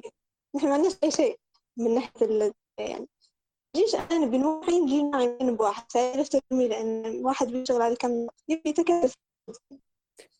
فوهن العادات والتقاليد يختلفن من من من المنطقة ومن قبيلة لقبيلة أصلا. وكل ما تمشي جنوب كل ما تمسك بالعادات يكون أكثر. يعني أحس شرس يعني في العادات. إذا يعني أنا تكلمت و... يعني كأني قلت درجة كبيرة من الكبائر إذا غيرت شيء. زمان مثلا كان عندنا فرح يستمر وأنا حسيت أنتوا العادات التقاليد ما يهمناش. فأنا قلت نجي نجي يعني آه أصلا إحنا ما لناش يعني صلاة وهذه يعني أختي حاب حاب سامحيني صوتي يقطع هالبرة نسمعه بصعوبة. شنو سمعته؟ آه اللي سمعته كله من بكري آه حكيتي نقطة مهمة جدا اللي هي موضوع آه تعظيم الشرع في النفوس. إيه. يكون نوع من المساعدة في الموضوع هذه. وسمعت هيك كأنك لمحت على موضوع العادات في الجنوب أو في الشرق مش عارف. كأنك آه. قلتي أنا مثلا مهمشين أو ما فيش نوع من ال لا مش ماشيين مش توعية يعني من من الناس أصلا مش متقبلين آه يعني. آه التوعية مش متقبلين التوعية. آه فهمتك. فلازم لما الواحد يوعي تكشف جنب واحد يصير زي ما قالت الأستاذة يعني في سخرية يعني. يعني الواحد لما بيعالج ما يعالجش ما يعالجش الفرعية يبدأ بالأصل. المشكلة يعني لأن واحد يتمس ينفذ حاجة أو اثنين فرعية وينسى الأصل. خلاص نديا الخط كلهن آه ويبي نفس الشيء يعني. والناس حتى يتم تنفر مني يعني أنا خلاص مني وغادي ما مانيش مش حندير العادة هذه أفراد. ويلقى الناس تسخر وكذا مش هو فاهم الناس فاهم عامل يتعامل بطريقة خطأ بيسيب حاجة حرام من معاملته وكذا. فهذه من من ناحية من ناحية أيوه يعالج وعلى أكثر من جانب مش بس مازال إذا المشاكل. نقول حاجة أخيرة يعني صوتي مش واضح. أيوه قلت إن العادات مش كيفكم بكر يعني أنا غربويين كلهم بس آه في الشرق وفي لا يا ربي نمشي شوية. صار عندنا صارت أفراح ما في ولو إنه يعني مشكلة كبيرة لكن المجتمع رافض يعني فهم رجال الأعمال بيديروا وهذا business case ولازم نديروه كذا. آه يعني نظرتهم سلبية الموضوع. لا أنا فهم في سلبية لكن في المقابل قاعدين يتعبوا أضعاف يعني يحوش يتعبوا ليش ندير الصالة ونريح روحنا هذه صحيح. حاجة. أختي بس تعرفي نحاول نسمع بصعوبة باش نحاول نطلع ال- ال- لب الكلام اللي قلتيه لأنه مشوش بجديات للأسف كان مشوش. لكن آه، ك- حسب ما فهمت صلحي لي لو أنا غلط. تقول مم. قلتي مرات بعض الناس تبي تحاول تطبق شرع وتبي تطبق الشيء الصحيح. لكن تواجه أن عامة الناس مش متقبلة الشيء هذا. فهذا تقصديه يعني تحس يحس نفسه مرات في معضلة. يعني آه، يعني هل بي بي بي بيقعمز يشرح للناس كلها باش يفهمهم باش قبل ما هو يطبق الشيء الصح ولا لا؟ هل أنا فهمت صح؟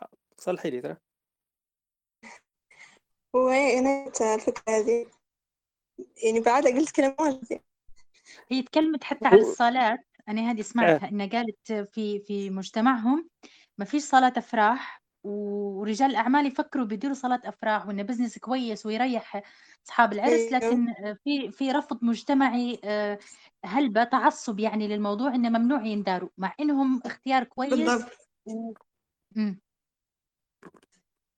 أيوة الحمد لله إني قدرت آه، نفهم الفكرة وهي تقصد إن المفروض الإصلاح ما يكونش على جانب واحد بس يكون على كل الجوانب لحالات زي هذه. صح رحاب أيوه. بارك الله فيك. بارك الله فيك رحاب أنا آه، مش بارك آه، والله للأسف إحنا ماذا بينا لو كان نت أفضل سمعنا منك. آه، بارك الله فيك رحاب أستاذة مريم لو عندك تعليق على الموضوع هذا باش ناخذ مداخلة ثانية هو هذا الموضوع خاضع لفعلا يعني سلطة المجتمع. فربما مع مرور الوقت ربما يتحسن لكن أنا نشوف إنه عادي معلش لو جيت هيك معلش. مهم. باهي إن شاء الله يصير تحسين يا رب العالمين. آه الأخت مريم تقريبا أو مريم. آه ملاحظة بس فقط للمستمعين في ممكن في الحلقات الجاية أو كذا. آه يا ريت ال- الاسم عندكم في التليجرام تعدلوه تكتبوه بشكل واضح بحيث لما يطلع لي أسماءكم نقدر مثلا آه، ننادي عليكم بالاسم الصح. لأن مرات يكون في رموز وأسماء ما نعرفش حتى كيف ننطق ال- الاسم. فبارك الله فيكم ال- أعتقد آه، عندنا مداخلة من الأخت نور منير. نور الكلمة معك. السلام عليكم ورحمة الله وبركاته. وعليكم السلام. آه، أول شيء آه، شكرا على تجهيز هذه المحاور والحديث في هذا الموضوع القيم والمهم جدا في الوقت الحالي يعني وفي الزمن اللي نمر به.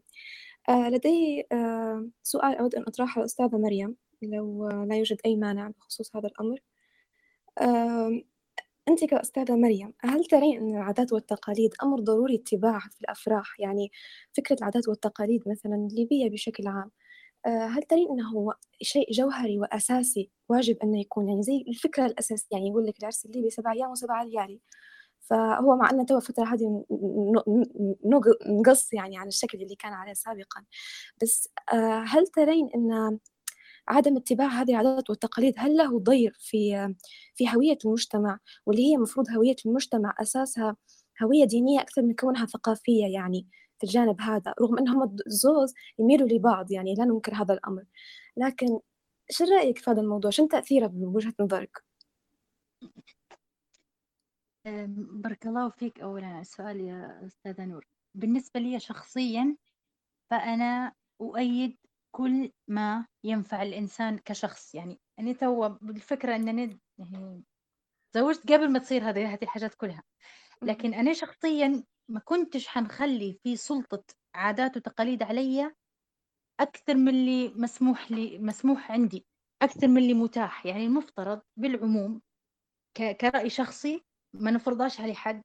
لكن لو عندي القدرة إني نوفر الحاجة المميزة والحاجة الكويسة حنوفرها لكن باللي يناسبني أني. طابع الشخصية طابع الأسرة هذا كله لازم يكون له دور. العادات والتقاليد اللي تنفعني تناسبني نديرها. زي على سبيل المثال يوم السهرية ما نقدروش ما نقدروش نتخلوا عليه لأن خلاص هذا جزء من من العادات. زي ما قلت كان قبل سبع أيام وسبع ليالي.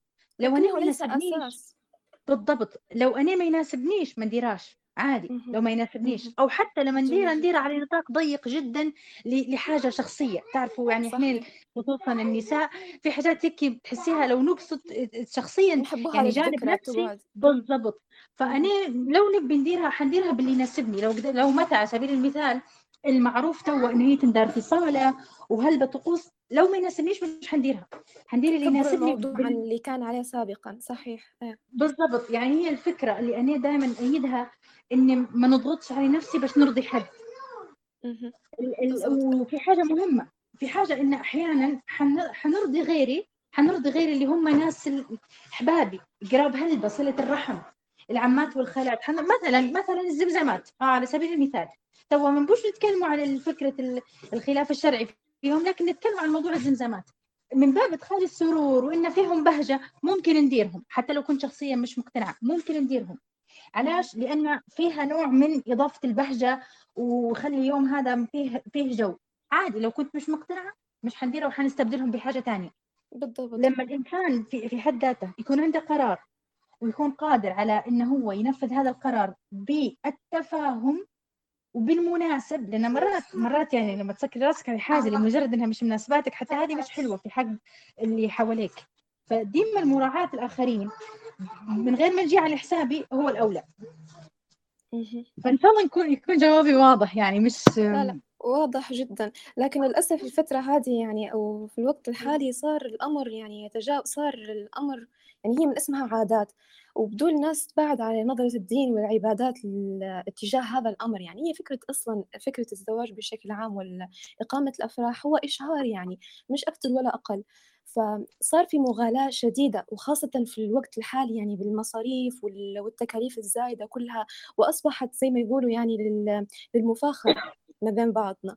فهذه النقطة يعني إن للأسف العادات والتقاليد اللي كانت بسيطة وجميلة في العهد السابق زمان تغيرت جدا وجهتها لدرجة للأسف يعني هالبنات بدت مكروهة شوية ليهم يعني.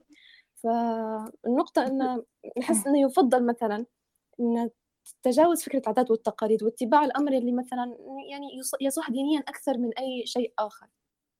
ما هو شوفي حتى العادات والتقاليد نفسهم العرب العرب نفسهم علاش الرسول شن قال عليه الصلاة والسلام؟ خياركم في الجاهلية خياركم في الإسلام إذا فقهوا. شو معناها؟ معناها ربما في عادات تقاليد موجودة من الجاهلية. فلو إحنا خديناها ودرناها بضوابط الإسلام هيك هي تكون مميزة. هي مش الفكرة إن نلغي العادة ولا الفكرة نطبقها زي ما هي. لا نحط عليها الطابع اللي مفروض إن إحنا الدين بالنسبة لنا منهج منهج حياة كامل. لكن في نقطة لازم نراعوها إن الغزو الثقافي مع الأسف واخد دور كبير جدا. هذا بصراحة تحدي كبير. صحيح جدًا أتفق معك أستاذة، المشكلة أن حتى في عادات يعني تناقلت من من يعني وصلتنا من ديانات أخرى حتى هي، فيا ترى هل هذا يعني يعتبر أمر صحيح اتباعه؟ ولو إنها صارت عادات واتخذ وأخذناها ثقافة، بس ما أخذناش من ثقافة مثلًا من من دولة إسلامية أخرى أو كذا، أخذناها من ديانة أخرى تمامًا يعني، فهذه أيضًا نشوف ننظر لها يعني كونها مشكلة تعتبر يعني حقيقةً. تعرف يعني نوافقك نوافقك في هذا لسبب واحد إن حاليا موضوع القدوة ما عادش بدا ما عادش ليه علاقة بحاجة كويسة أو حاجة سيئة. بالزبط. موضوع القدوة باللي يعجب. فلذلك مسؤولية الإنسان اللي بدير الحاجة لمجرد إنها عجباته لو ما حطش في باله إن في من واحد بس بقلده وهذا الواحد بقلده واحد حيتحولوا لمية فهذه مع الأسف مسؤولية. هذا اللي صاير حاليا بالضبط. بالضبط. فأنا مش اللي يعجبني نديرة. يعني ممكن ممكن نقدر ناخذ حاجة تعجبني نديرها لكن نحط في بالي إن في من حيديرها. هذا لاش قلت لو إحنا نبادروا بالعادات الإيجابية وشوية نخففوا على روحنا ضغط الناس شو بيقولوا. بالطريقة هذه ممكن جدا مع حيصير في تغيير مع الوقت. لكن مع الأسف بتراعي بتراعي إن تو حاليا الغزو الثقافي هلبة واخذ دورة. سلطة اللي ينقال بالمفهوم سلطة الثقافة الغالبة طغيان المادة اللي هو الجانب المادي هلبة طاغي. فهذه الحاجات تبي خدمة عليها هلبة تبي للأمانة خدمة عليها. لكن عندنا المنصات يعني ما شاء الله وزي موضوع طبعا الحوار هذا يعني فعلا مفيد جدا. أنا نفسي يعني تنورت في حاجات ما كانش في بالي ابدا يعني من كلامكم والحوار الذي كان قائم. ففعلا هذه وسيلة كبيرة ومفروض يعني آه، مسؤولية على عاتق كل واحد فينا كل شخص واعي بالأمور هذه. تماما. أنت تخيلي لو أصحاب هذه المبادرة قالوا إن بالله شم شم بنغيره؟ أو ودرنا حوار شم بيتغير؟ تخيلي لو كل واحد فكر بالطريقة هذه مش حيصير في تغيير أبدا. تغيير شخص واحد كفيل إنه هو يغير مجموعة مع الوقت يعني. بالضبط. فبجدياتها مبادرة زي هذه أسأل الله إنه يبارك لهم ويرزقهم الاستمرارية فيها. لأن بالطريقة هذه بإذن الله حنتغيروا بإذن الله. بإذن الله تعالى. بارك الله فيكم. بارك الله فيكم. شكرا. شكرا جزيلا. شكرا أخي نور شكرا أستاذة مريم. آه بس أنا عندي تعليق بسيط. آه هو مش عارف تو آه أنتم تكلمتوا عن نقطة الإشهار باهي. وهو صراحة هو اللي حط اليوم كان الحوار سيطرة نسوية كبيرة على على الموضوع. اللي في نوع يعني قاعدين إحنا رجال صوتنا أول حاجة مشاركتهم في مواضيع زي هذه للأسف في نوع من القصور. آه أيضا في أيضا عادات أخرى تمس الرجال لكن في عادات لازم تكون مشتركة. لو ما يكونش في تفاهم بين الطرفين في الموضوع هذا يعني آه نحس في نوع من الأنانية. يعني مرات أنا نتكلم من منظوري كشخص كشاب. يعني مرات البنات يتكلموا من منظور أناني فقط هي تبي اللي يسعدها يعني بغض النظر على الطرف الآخر شنو. لكن عجبني أنا إعلان وهذا أنت تكلمنا عن نقطة التقليد أو ناس كيف تماري بعضها أو سن سنة حسنة. ممكن ناخذ دقيقتين فقط نقرأ الإعلان. واعلان يعني شافها قبل على الفيسبوك وتداول. آه، البوست عنوانه أغرب إعلان زواج في الأردن. نشر الطبيبان الدكتور عليان زايد والدكتورة بسمة ياور إعلانا على زواجهما على صفحة موقع التواصل الاجتماعي الفيسبوك كان غريبا في مضمونه ومتفردا في تفاصيله.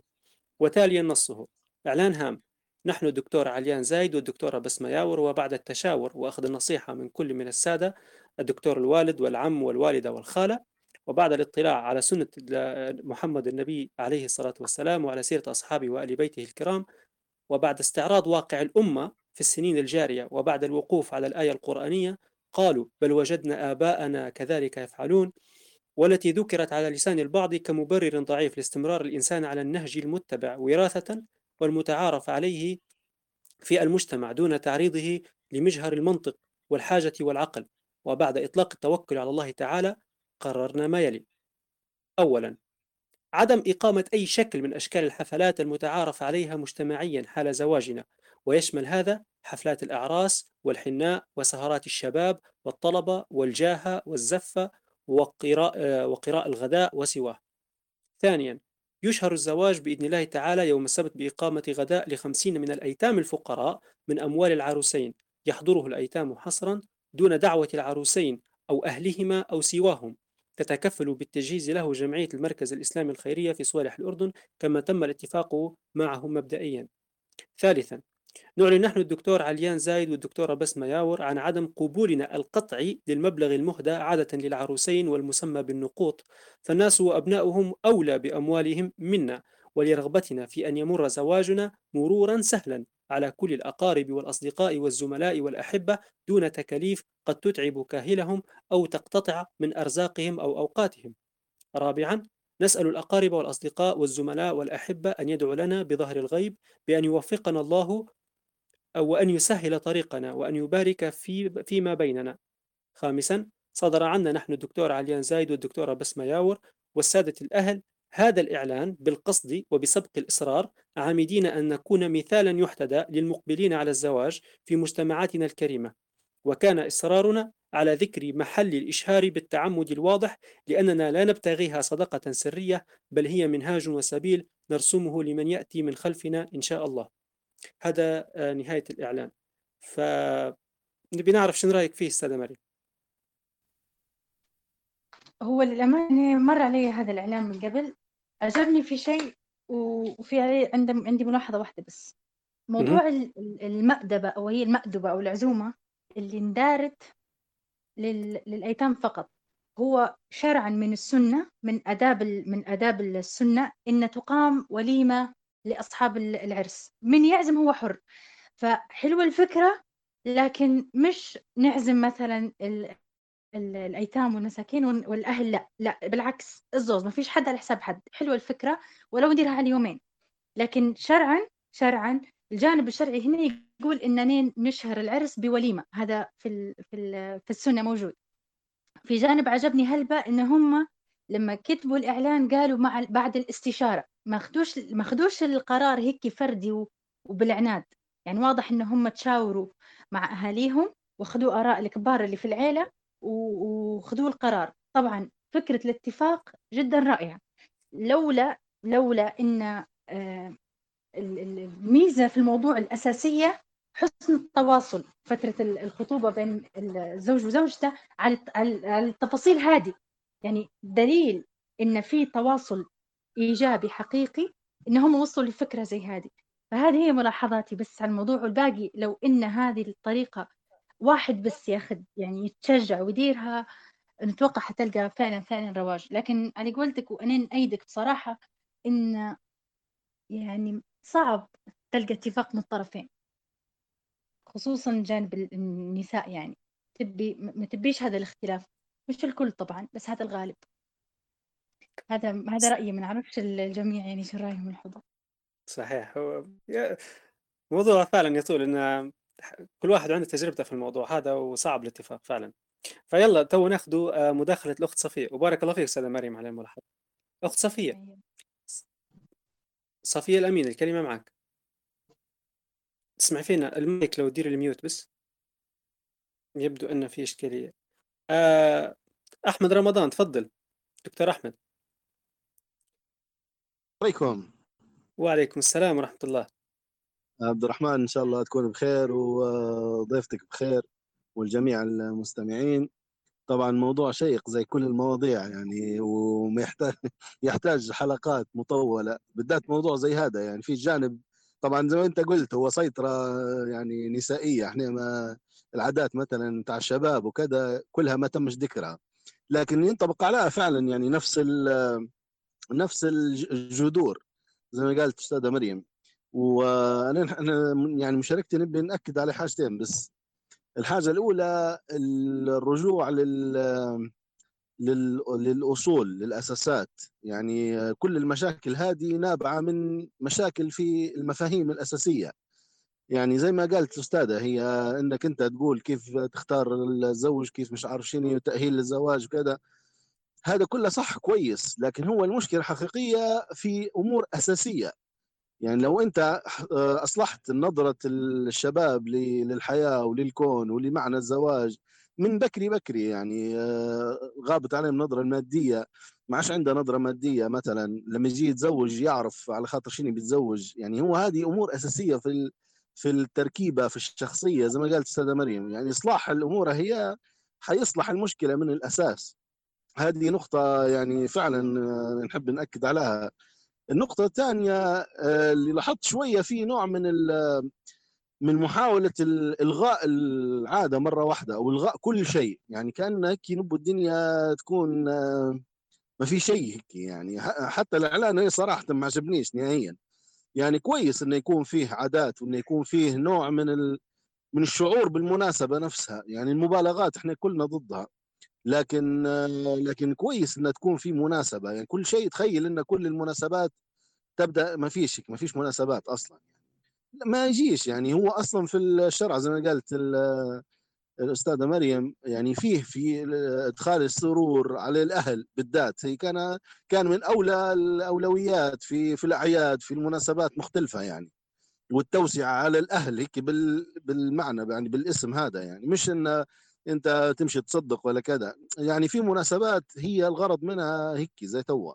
يعني ما تجيش إنها ما تديرش مناسبة والله. نحس فيها برقماتيه أكثر من يعني هم كأنها بطريقة مغلفة بنوع من ال مانيش عارف ما بيش نتهمهم طبعا أكيد. لكن لكن ما عجبنيش. أنا حسيت إن مش هذا المقصد الشرع يعني. مقاصد الشرع أوسع من هيك. ف فالغاء العامه هو مش في في في نظرة الشخصية مش هو اللي المفروض يندار. المفروض يندار هي المشاركة الإيجابية. يعني ابتداء من سيدنا محمد اللهم صل وسلم وبارك عليه لما قال لهم آه، شنو يتغنوا يعني في في العرس. يعني هذه مشاركة إيجابية. يعني هو شارك في في تكوين عادة آه، لما لما هو قال لهم كلمات معينة يعني.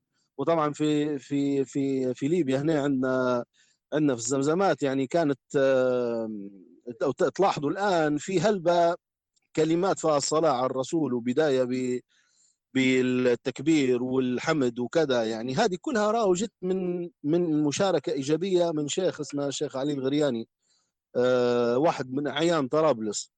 ماشي؟ فهو اللي شارك هو اللي آه هو اللي غير يعني غير بطريقه ايجابيه ما قال لهمش والله هذه الأغنية تديروا فيه مثلا لا والله كيف وأنتم بتخشوا النار ولا يعني ما ما تعاملش معاهم بطريقة سلبية. وهو يعني رحمة الله عليه هو هذه أسلوبه أسلوبه إنه هو يخش في المعترك مش يقعد ينتقد من بعيد. فالمشاركة الإيجابية تعتبر أمر ضروري جدا يعني الآن للمصلحين وللمشايخ وهيك. يعني إنك أنت تجي على المنابر وتنتقد بس مش هذا هو الطريقة اللي حتغير بها. الناس مش حتقتنع بك ولا حتسمع لك ولا حتندر عليك أصلا. لكن إنك تشارك في حياتهم تجيهم وتعتبرهم أنت في يعني على اسوء زي المريض اللي بتعالجه. أنت الدكتور اللي بتعالجه بتقعد تنزل فيه؟ لا أكيد بتقعد يعني بي بي بتحاول إنك تعامله بأسلوب كويس وإنك يعني بحنان بتفهمه. بتحاول توصل له العلاج بشكل كويس. فهي النقطة أعتقد أنها من الأهمية بمكان وبدت تغيب يعني بدت في نوع من القسوة حتى من المصلحين في قسوة. في نوع من من التقوقع على اللي زيني.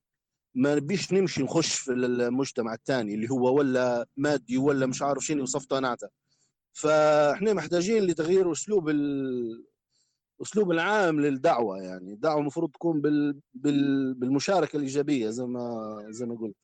بارك الله فيكم. صراحة حديث ممتع جدا. بارك الله فيك أحمد. صحيت على المداخلة. طيبه فقط تعليق بسيط على موضوع الإعلان. هم ذكروا جزء قالوا إنه بسبب الظروف الحالية أو بما تمر به الأمة يعني. كان يحكوا هذا كله استجابة لمثل الواقع الغلاء اللي صاير أو المشاكل الاقتصادية فالله أعلم يعني ووجهة نظرك يعني جميلة جدا يعني أتفق معك في جزء كبير منها. آه تو الكلمة للأخت منال آغا لو تسمع فينا. السلام عليكم ورحمة الله.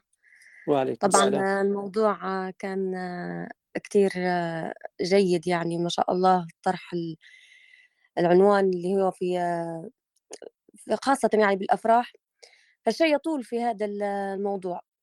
فبما بعض أخوات بكري يعني سلطت الضوء من ناحية منظور شرعي فالأفراح يعني فيها الكثير من هذه الأشياء اللي فيها تخش فيها الحلال والحرام و... فالمنظومة بالذات يعني حبيت أن ننبهكم على هذا الشيء أو تتكلموا فيه في هذا الشيء فأصبحت يعني أن نسماها عادة أو شيء يعني ضروري أو شيء لازم. فهذا الحين نعرفوه طبعا أنه حرام العزف والغناء يعني المحرم. فنحن إحنا نحن يعني آه، كيف بيكون ردة فعلنا إذا كان يعني في أحد من الأقارب أو الجيران أو بما أن هم في بعض الناس يعني يعرفوا هذا الشيء حرام لكن نقول لك لا كيف إحنا عرسنا؟ إحنا كيف بنت يعني ما بيقولوا لا عرس مرخي مش عارفة شنو. فياريت يعني الأخت مريم آه، تتكلم في هذه النقطة. جزاها الله خير. وبارك الله فيكم. بارك الله فيك أختنا. آه، أستاذة مريم لو بتعقبي بس. بارك الله فيكم. أنا بنأكد على حاجة. آه، ممكن ممكن كلام الأستاذ أحمد على فكرة لغي العادات هي مش في حوارنا كانت. إن بالعكس آه، من السنة فعلا ضرب الدفوف من السنة الوليمة. بل كان الرسول عليه الصلاة والسلام لو فكان حد لو كان حد صايم يوم وليمة العرس ونعزم كان يقول لا أفطر على خاطر تلبية دعوة الوليمة لما فيها من آه، من عادة جيدة اللي هي من سن سنة حسنة الحاجة الكويسة اللي ما فيهاش محظور شرعي ما فيهاش معتقد فهي ما فيها شيء. هي مجرد ممكن آراء شخصية ما نقدروش نسقطوها على الجميع. يعني آه، مثلا لو في حد في رأيه إن إلغاء العادات تماما هو أفضل فهذا رأيي الشخصي لكن هذا لا يجعل من العادات كلها آه، حاجة سيئة. إنما ممكن حوار اليوم بالذات كان سببه انتشار عادات جديدة سلبية بس أو بالأحرى غريبة مش نقولوا كلها سلبية لكن إلى حد ما غريبة وفيها وفيها ضغط على المجتمع. آه، في نقطة ثانية إن آه، زي ما قلنا على موضوع ضرب الدفوف يعني حتى الفكرة هذه في منهم هل ناسينها أو ما يندروش عليها. لكن من السنة إن إن يكون في إشهار للفرح بضرب الدفوف أو الأناشيد. وحتى لما الرسول عليه الصلاة والسلام دخل المدينة الصحابة أنشدوا له طلع البدر علينا. يعني هذه الأشياء كلها من صميم آه، القرآن والسنة. هذا السبب اللي خلاني قلت إن الشريعة منهج حياة. ما هيش ما لهاش علاقة مثلا بأحكام معينة أو آه، عادات معينة. بس ضد ضوابط. هي هذه الفكرة. فبارك الله فيكم مداخلات رائعة بصراحة. بارك الله فيك فعلا والله تعقيبك في محله. آه تو المداخلة للأخت حنين. السلام عليكم. آه بارك الله فيكم. آه حبيت نقول في الأخير إن آه في تعاملنا مع أي موضوع لازم ندرك إن في آه اختلاف. يعني إحنا آه كبشر مختلفين آه فحتكون آه يعني آه وجهة نظرنا مختلفة يعني في في بعض الأشياء. ولكن نحاولوا أن نكونوا بين بين البينين يعني لا إفراط لا تفريط. فزي ما قلت إن من السنة هو إشهار إشهار الزفاف. سمعت من كم يوم إن ورد يعني إنه يقولوا مثلا أقام. أقام يعني إن هم داروا وليمة. حتى يشهروا الزفاف.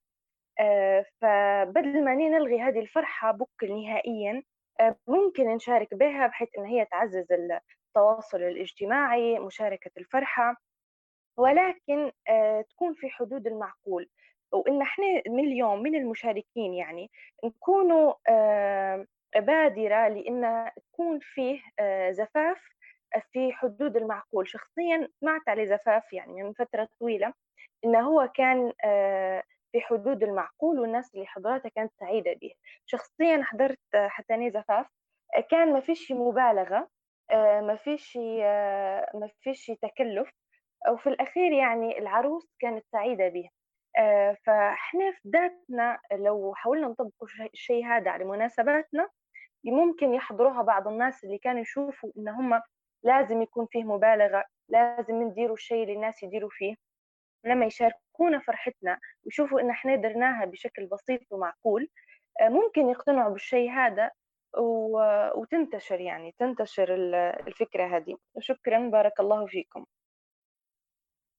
بارك الله فيك حنين وبارك الله في الجميع. أعتقد إحنا تو ما فيش مداخلات الباقين أه حنعطي الكلمة الأخيرة للأستاذة مريم والأخت دعاء لو بتحب تستمر شوية في الحوارية. يعني لو عندكم سؤال أخير أو أه بالنسبة لدعاء لو عندك سؤال بتضيفيه للاستاذه مريم. أه في طلب ثاني. أوكي. أخت هاني تفضلي الكلمة معك. وهذه حتكون آخر مداخلة إن شاء الله. هاني الكلمة معك. أنا بس نبي نسأل آه، الأستاذة مريم آه، يعني إحنا نبغى وسيلة متابعة عليها ممكن صفحتها على الفيسبوك باش نتابعوا نشاطاتها على أرض الواقع و... ونحاولوا إن إحنا نحضروا يعني. بس هذا هو. بارك الله فيك. أستاذة مريم بإذن شنو؟ الله آه، بإذن الله أول ما نفتح حسابي يعني لي فترة مسكراتة أول ما نفتح حسابي حن حنحطه وحنبلغ يعني حنبعته حتى مرات للأستاذة دعاء باش تبعته أو تحطه وأول نشاط حيكون لي بعون الرحمن حيكون في حتوصلك الدعاية بإذن الله. بارك الله فيك أستاذة مريم. آه، إذا أستاذة مريم أعطوك الكلمة الأخيرة تو في في نهاية حلقتنا. إيش حابة تقولي؟ البرح لك. آه، في البداية جزاكم الله خير الجزاء فعلا على هذا آه، المنتدى وهذا الحوار الرائع. وأسأل الله تعالى أن يطرح فيه البركة. ثاني نقطة مهمة أوصي بها نفسي أولا وكل من يستمع إلى هذا الحوار. مسؤوليتنا ليست مسؤولية فردية ولم يكن يوم الإصلاح معتمد عليك أنت وحدك. الأصل في الإصلاح أن أصلح نفسي مع الآخرين فلا تخجلوا من كلمة الحق إنما ترفقوا في قول كلمة الحق. قولوا الحق ولكن برفق انتقدوا ولكن برفق. بالعموم أكثر شيء ابحثوا عن الحق قبل أن تتكلموا فيه. يعني قبل ما تقول أنا رأيي كذا وكذا خذ من وقتك ساعة زمان بس أسأل آه، عن عن اللي عن اللي بتقوله وبعدين شوف لو كان كلامك هذا حي ينفع ولا لا. أسأل الله تعالى أن يعلمنا ما ينفعنا وينفعنا بما علمنا وتتاخذ آه، حوارية اليوم ونطلع بها بحلول على الصعيد الشخصي أو على الصعيد المجتمع ونبدأ بإذن الله في العمل. آه، جزاكم الله خير وأعذرونا على الإطالة وشكرا جزيلا جدا للاستضافة من جديد أستاذ عبد الرحمن وجميع أعضاء المنتدى. بارك الله فيك والله سعيدين جدا وخاصة الكلمات الأخيرة هذه موضوع أن نبحث عن الحق قبل ما نتكلم عليه فجزاك الله كل خير.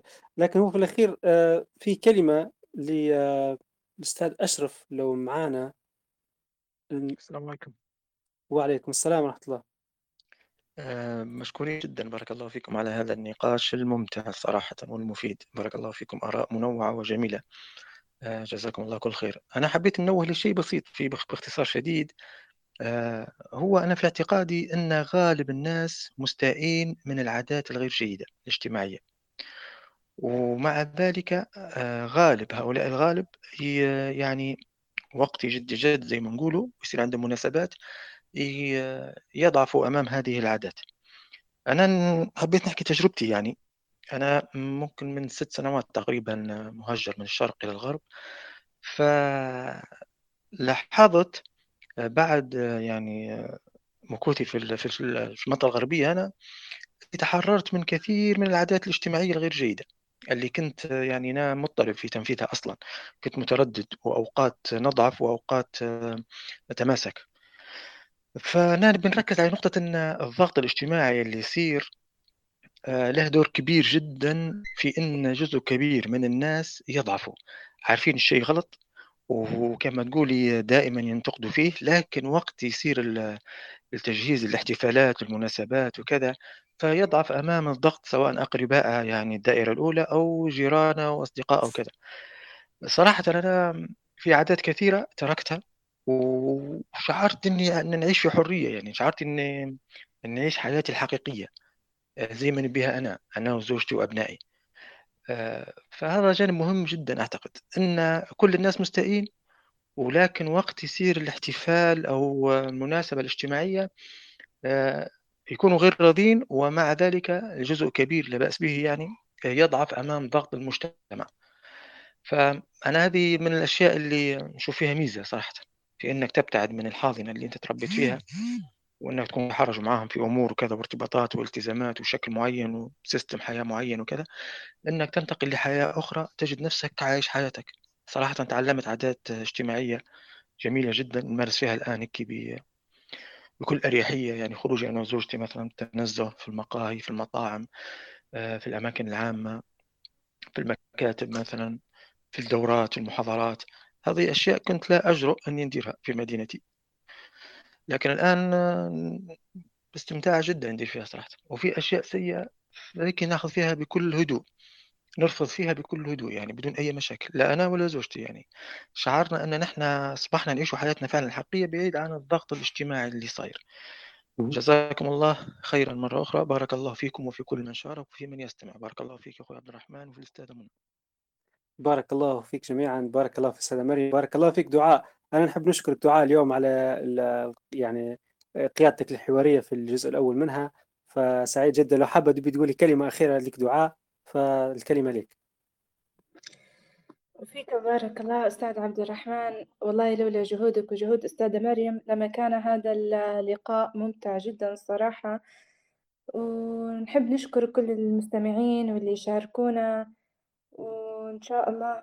وشكرا لك أستاذة مريم ونفع الله بك الأمة. وإن شاء الله قريبا يعني نجد حلول ويكون يعني الموضوع عملي أكثر مش مجرد كلام. وشكرا على كل الحضور. بارك الله فيكم جميعا. شكرا شكرا جزيلا وإن شاء الله ليلتكم طيبة. آه سبحانك اللهم وبحمدك أشهد أن لا إله إلا أنت أستغفرك وأتوب إليك. والسلام عليكم ورحمة الله وبركاته.